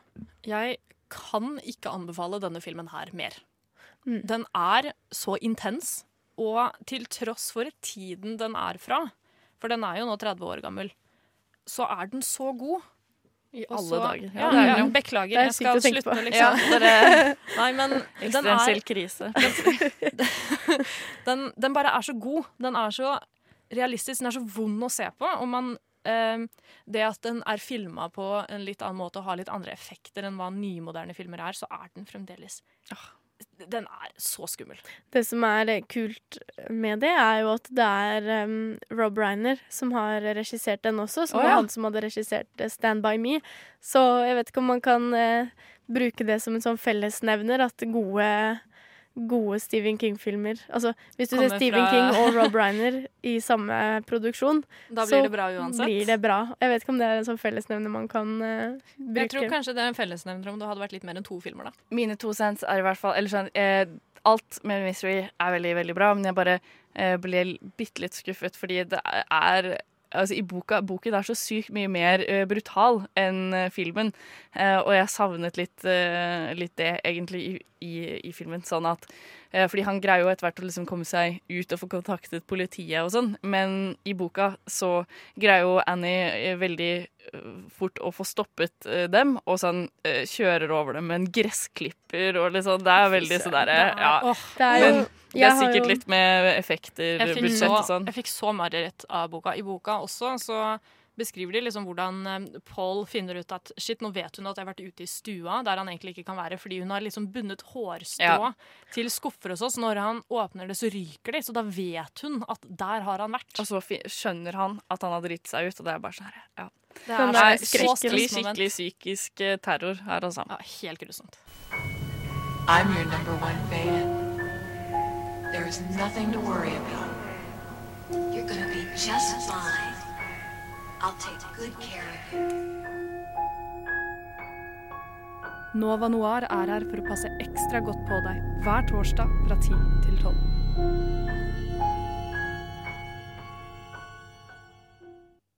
Det var eh, altså et lite klipp eh, fra Misery du hørte der, som vi snakket om eh, nå nettopp.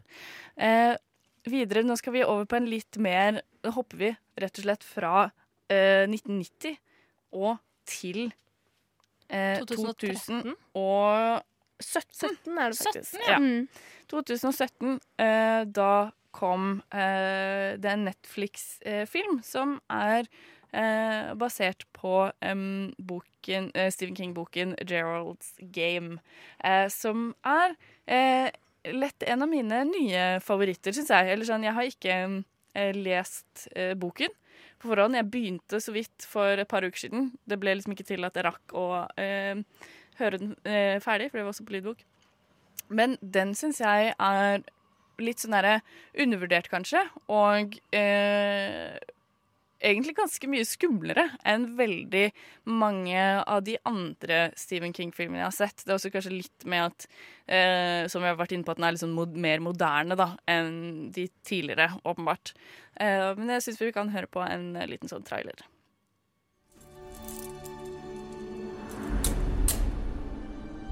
I bet you think your husband will be back any minute. Try to go for help. There's no one for miles. Gerald? I'm sorry, baby. You don't get to know my name. I don't like this. I'm serious. Stop. Like that. Like, Stop it! Are you play. Is this really what it takes these days? God, how do we go so wrong? We were happy once, weren't we? Gerald? What? What's happening? Oh. Gerald! Ah!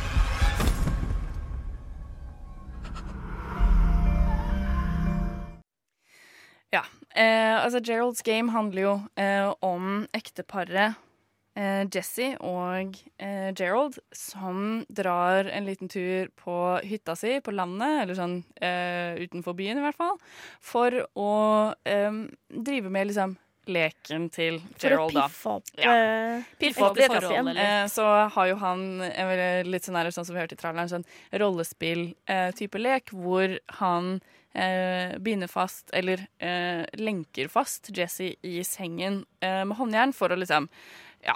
Det, jeg tror det er litt sånn her, eller i hvert fall bitte litt i boka, så kom det frem at det var litt sånn her rapey-type lek. Det er Eh, sånn fantasy han har, da, tydeligvis. ja. Eh, og hun finner jo egentlig ut at sånn, hun har eh, faktisk vært med på leken eh, mange nok ganger til og liksom vite at det her er faktisk ikke noe jeg har lyst til å gjøre lenger. Eh, og litt sånn Nei, nå må du slutte. Dette vil jeg ikke. Og så er han sånn But what if I don't? og så er det sykt creepy. Og så eh, ender det opp med at hun liksom, for å forsvare seg og få han vekk, så liksom sparker hun han i ballene, og da får han eh, sånn hjerteattakk. Hva heter det på norsk? Hjerteinfarkt. Hjerteinfarkt, takk. Eh, og faller om og dør på soveromsgulvet mens hun fremdeles er lenket fast til sengen. Og hun har ikke tilgang til nøklene. Og bare det premisset kjente jeg at stressa meg. når Jeg Ja. begynte å se filmen. Veldig er bare liksom realistisk, på en måte, ja. Mm, for at hun sitter jo da lenkefast med armene ut i en sånn i en T, liksom. Og sitter lenkefast til de her stolpene på siden av sengen. Og bare det, liksom Det begynner jo ganske raskt å skje skumle ting, men bare det kjente jeg at var ubehagelig. Når du liksom har lyst til, når det skjer skumle ting, så har du lyst til å krølle deg sammen i en ball, og det går ikke. Og Nei. bare det kjente jeg at jeg fikk helt Ja, fordi du er jo så utsatt, så alene. Sånn som du hørte i traileren, så sier de jo sånn You can scream, but there's no one for miles. Mm. Hun er helt alene. Og så blir det jo på en måte litt det her at um, Ja, som du sier, ingen vet at hun er der. Ingen kommer liksom for å lete etter henne. Hun har uh, ikke tilgang på mat. Uh, eller eh, drikke, eller noen sånne ting. Sånn at eh, sånne feber- og sultfantasier begynner jo eh, etter hvert da også blande seg på en måte med virkeligheten, og hun begynner også å eh, fremkalle på en måte fortrengte minner fra barndommen også, som blander seg i en sånn derre absurd, eh, marerittaktig verden, eh, egentlig, som gjør det Nei, det er så Jeg syns det er skikkelig skummelt, faktisk. Jeg synes det er sånne eh, ja, synene. Og så er det sånn Er det ekte? Er det ikke ekte? Fordi han derre månemannen og sånn virker jo skikkelig egentlig ekte Eller sånn. Uekte, men uh, Men Du sitter jo ikke. og håper på at han er en del av hallusinasjonene hennes, men kan Ja, ikke være sikker. Nettopp. Og det er jo det som på en måte er eh, noe av det som er skummelt. Eh, det Åh, her det er så ekkelt. Jeg fikk, Ja. så, jeg fikk så flash inni hodet mitt nå av den ene scenen hvor du man ser øynene hans sånn opplyst. Å, fy flate. Å, den er så ekkel. Jeg så den ehm, med Eller jeg så den på bare en sånn iMac-skjerm i en, liksom en sånn skrivebordstol og skrudd av lyset bare, men til og med da, det var dritskummelt. Jeg bare Sykt. Hommage. Dette er min lille sånn kjærlighets, eh, kjærlighetserklæring til Mike Flanagan, som eh, er jo en av de på en måte mest sånn up and coming eh, skrekkfilmregissørene eh, i nyere tid, egentlig. Han eh, Jeg lot meg veldig merke eh, av han når han lagde Oculus i 2013, som er eh, jeg, en original idé han har hatt selv, som jeg syns er veldig bra. Og det var jo også han som eh, regisserte eh, 'Haunting on Hill House', som kom i fjor, den Netflix-serien. Um, og der ser man jo også lett at han har funnet noen favoritter i Um, Gerald's Game, fordi det er tre av skuespillerne i Gerald's Game som dukker opp igjen som hovedkarakterer i ehm, Haunting on Hill House. Og det var jo en av Altså, jeg ble så skuffa. Jeg så 'Haunting of Hill House' først, og der er det han Henry Thomas. Han eh, gutten fra ET, hvis det er noen som husker han. Ja. Um, ja, han um, spiller jo en egentlig helt utrolig snill og varm karakter i The Haunting of Hill House. Og du, egentlig, jeg også likte han skikkelig godt, både som skuespiller og karakter. Liksom. Jeg syns han var så fantastisk snill og god og liksom gjør alt han kan for å ta vare på barna sine. Og så kommer han i denne filmen, og så, for å spoile litt, så um, på en måte overgriper han seg jo på Forgriper han seg jo nesten på datteren sin, da. Nei, ikke nesten. Han det er- Han eh, runker mens hun sitter på fanget hans, eh, som jo er eh, Overgrep? Det er et overgrep. Misbruk, misbruk i hvert fall. Altså, uansett hvilket ord du vil bruke, det er grusomt. Det er ikke greit. Det er forferdelig. Og det er fælt. Og jeg blei så jævlig skuffa.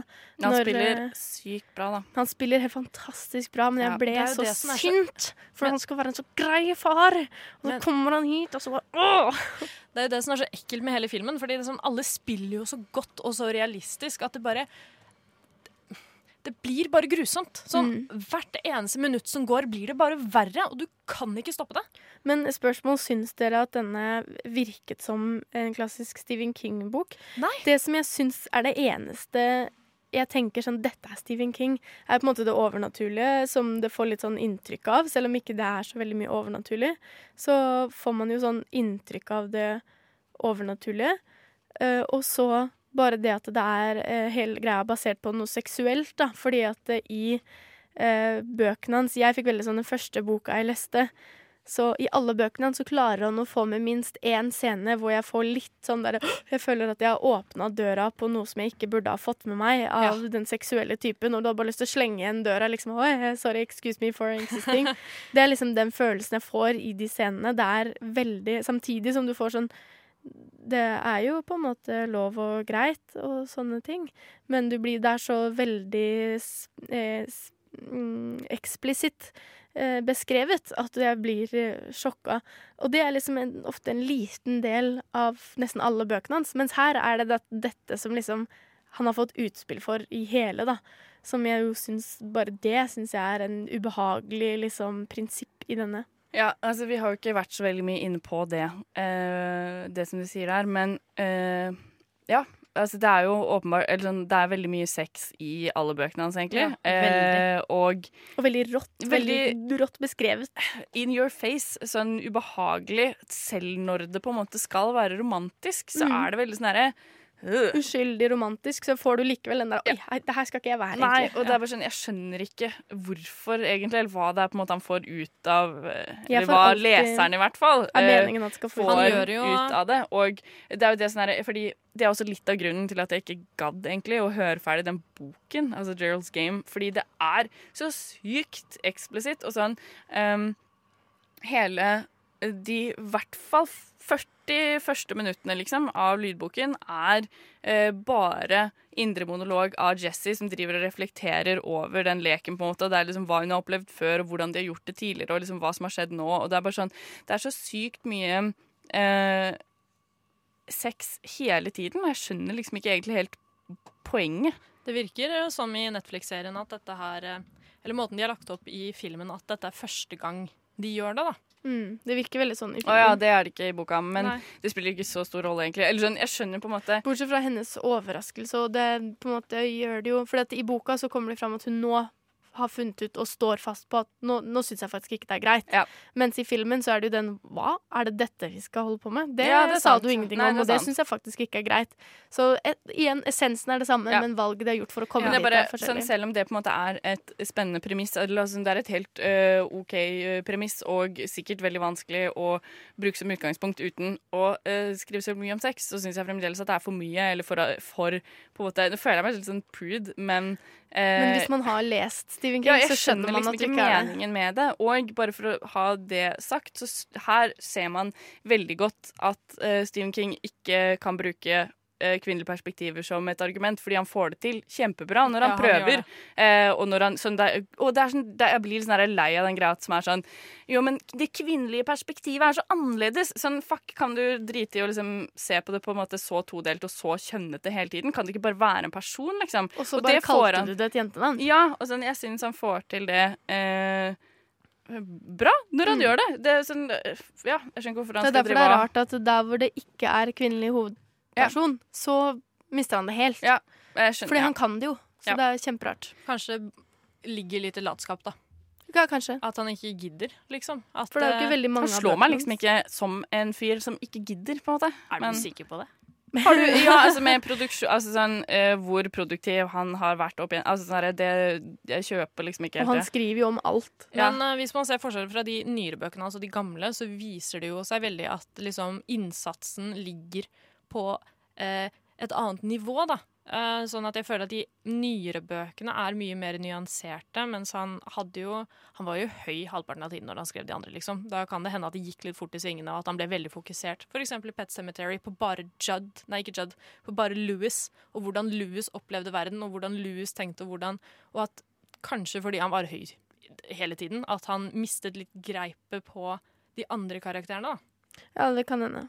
At det ble litt sånn hamre løs, sånn at da mister jeg litt eh, Ja. de andre. Det kan hende. Men jeg syns jo at filmen eh, på en måte tar vekk det verste av det seksuelle aspektet ved det, faktisk. Det synes jeg I, Når nå, jeg har ikke lest boka, da, men jeg, den, når du liksom kommer deg over den kneika at det er det settingen er, så er resten av filmen helt ekstremt bra, og den er ekkel på helt riktige tidspunkter, og den, den. holder, den er intens, og den holder deg liksom på tå hev gjennom hele filmen.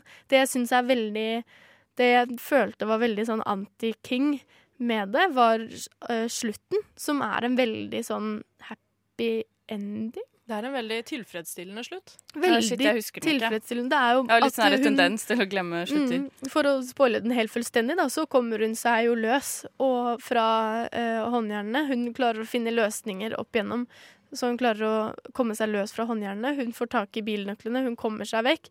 Så krasjer hun, og så hopper vi til at hun er på sykehuset, og at hun skylder på eh, hukommelsestap da, til politiet, men at hun husker alt. og han, vi får se at han Moonlight Man er ekte, og han har en rettssak. Fordi ja, det viser seg at han sant har jo, er jo sånn grave robber og, Ja. og nekrofil og liksom masse greier. Lol, og så har hun et sånt søtt moment med han, hvor hun går inn i rettssaken, ser på han, og han blir nesten sånn lykkelig, fordi eh, han tar ikke henne, selv om han egentlig liksom alltid molester lik og, og Ja. sånne ting. Så har han på en måte spart henne. Men det er fordi hun kanskje ikke er lik. Ja, men det er jo mennesker også, liksom. Ah, okay. altså, han har liksom spart henne, da. Um, og de, hun liksom har et sånt øyeblikk hvor hun går bort til han og står og ser på han og sier 'ja, men du er jo ekte'. Og så går hun derfra og er lykkelig, liksom. Hun Så sier den har også jo at uh, You're much smaller than I remember. Ja, og da har hun liksom- liksom overvunnet frykten sin mot han. For hun bestemmer seg jo for å aldri være redd igjen og sånne Ja. ting. Og så, så hele slutten er så tilfredsstillende og sånn Sånn Pakke løs pent inn med en uh, Veldig sløyfe. sånn vær så god. Og det Men sånn det føler jeg syns jeg jo King egentlig er jævlig lættis. Hvis han, eller sånn, bort, hvis du tar vekk det med rettssaken, på en måte, men at sånn, det viser seg at han på en måte er ekte og er der, og sånn, det er jo dritgøy. Ja, det er faktisk Det er skikkelig fett. Men, men så du får jo en helt sånn avslutning oh, som du på en måte ikke Som jeg føler ikke er standard Stephen King. Du får gjerne enten litt sånn pang-avslutning, men en avslutning, eller så ender det jo på det verste, sånn som i Pet Cemetery. Både i filmen og i boka så ender det jo definitivt on a high, Ja. og det gjør det jo på veldig, i veldig mange Ja. bøker og filmer. Jeg bare sånn eh, Apropos det, slenger en liten sånn der kommentar som jeg ikke fikk sagt i stad, om uh, Shining. Fordi det er jævlig irriterende, egentlig, med boka og uh, den uh, miniserien. At den slutter jo helt annerledes, og slutten til Kubrick er ekstremt mye bedre. Uh, Holloran dør ikke, egentlig. Eh, og han er, flykter sammen med Danny og eh, Wendy. Og sånn Det er liksom bare så sykt lite liksom ehm, Eller det er veldig sånn antiklimatisk, da, på en måte. Fordi at eh, også i ehm, boka så sprenger hotellet, og Danny og eh, Jack har sånn derre eh, De snakker sammen gjennom den telekinetiske shine-greia, Mm. og får en avslutning på Eller altså sånn, de eh, får løst opp i problemene sine.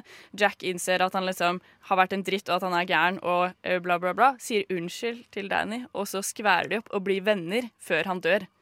Det er veldig spesielt. For at jeg, jeg tenkte på det når jeg så Gerald's Game, slutten, så fikk jeg veldig sånn Wow, dette er veldig ikke Stephen King å gjøre. Han slutter alltid on a high. Og så tenkte jeg meg om, og bare Det stemmer jo ikke. Det Men det er noe med Fy filmen faen, det er dårlig slutt, ass. Ja.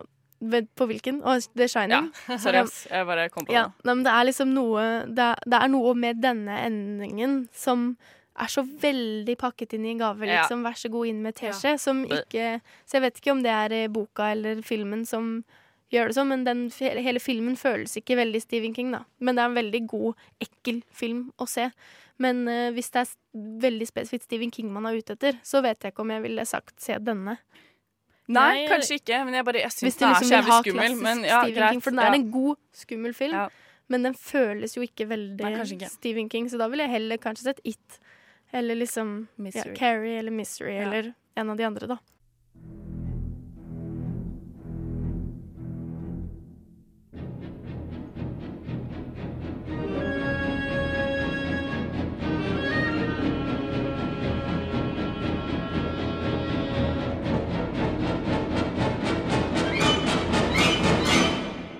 Du hører på Nova Noir på Radio Nova torsdager fra 10 til 12.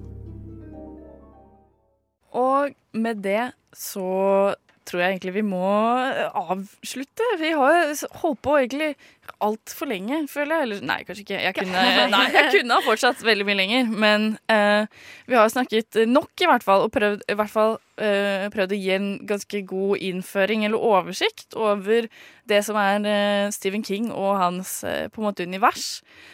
Og ehm, da kan vi vel kanskje eh, konkludere litt med at eh, hvis du vil begynne et sted, er litt sånn Stephen King-nybegynner, så kanskje begynne litt soft med Stand By Me. Eh, og så burde du kanskje unngå de gamle versjonene av Pet Cemetery og It. Heller fokusere på de nye. Eh, hvis du er litt utsult Eller sånn, hvis du eh, har blitt veldig mett på eh, alt som har med Stephen King å gjøre, og eh, kanskje trenger litt sånn frisk pust, så eh, se Christine, som du kanskje ikke har hørt om. Jeg vet ikke, jeg føler deg kanskje litt sånn eh, over deg, men eh, Christine er i hvert fall eh, en litt sånn gjemt diamant, og absolutte favoritter er eh, Misery The Shining i alle dens eh, former og varianter har vi jo kommet fram til egentlig er litt sånn bra på hver sine måter. Eh, og Gerald's Game er kanskje utradisjonell eller utypisk eh, Stephen King, men absolutt verdt en titt likevel. Og med det så sier vi eh, faktisk tusen takk for i dag, eh, selv om vi prøvde å gjøre det eh, i stad. Vi har pratet enda lengre nå, eh, så nå eh, slutter vi. Vi ha det bra. det. Ja, ha det bra. Ha det bra.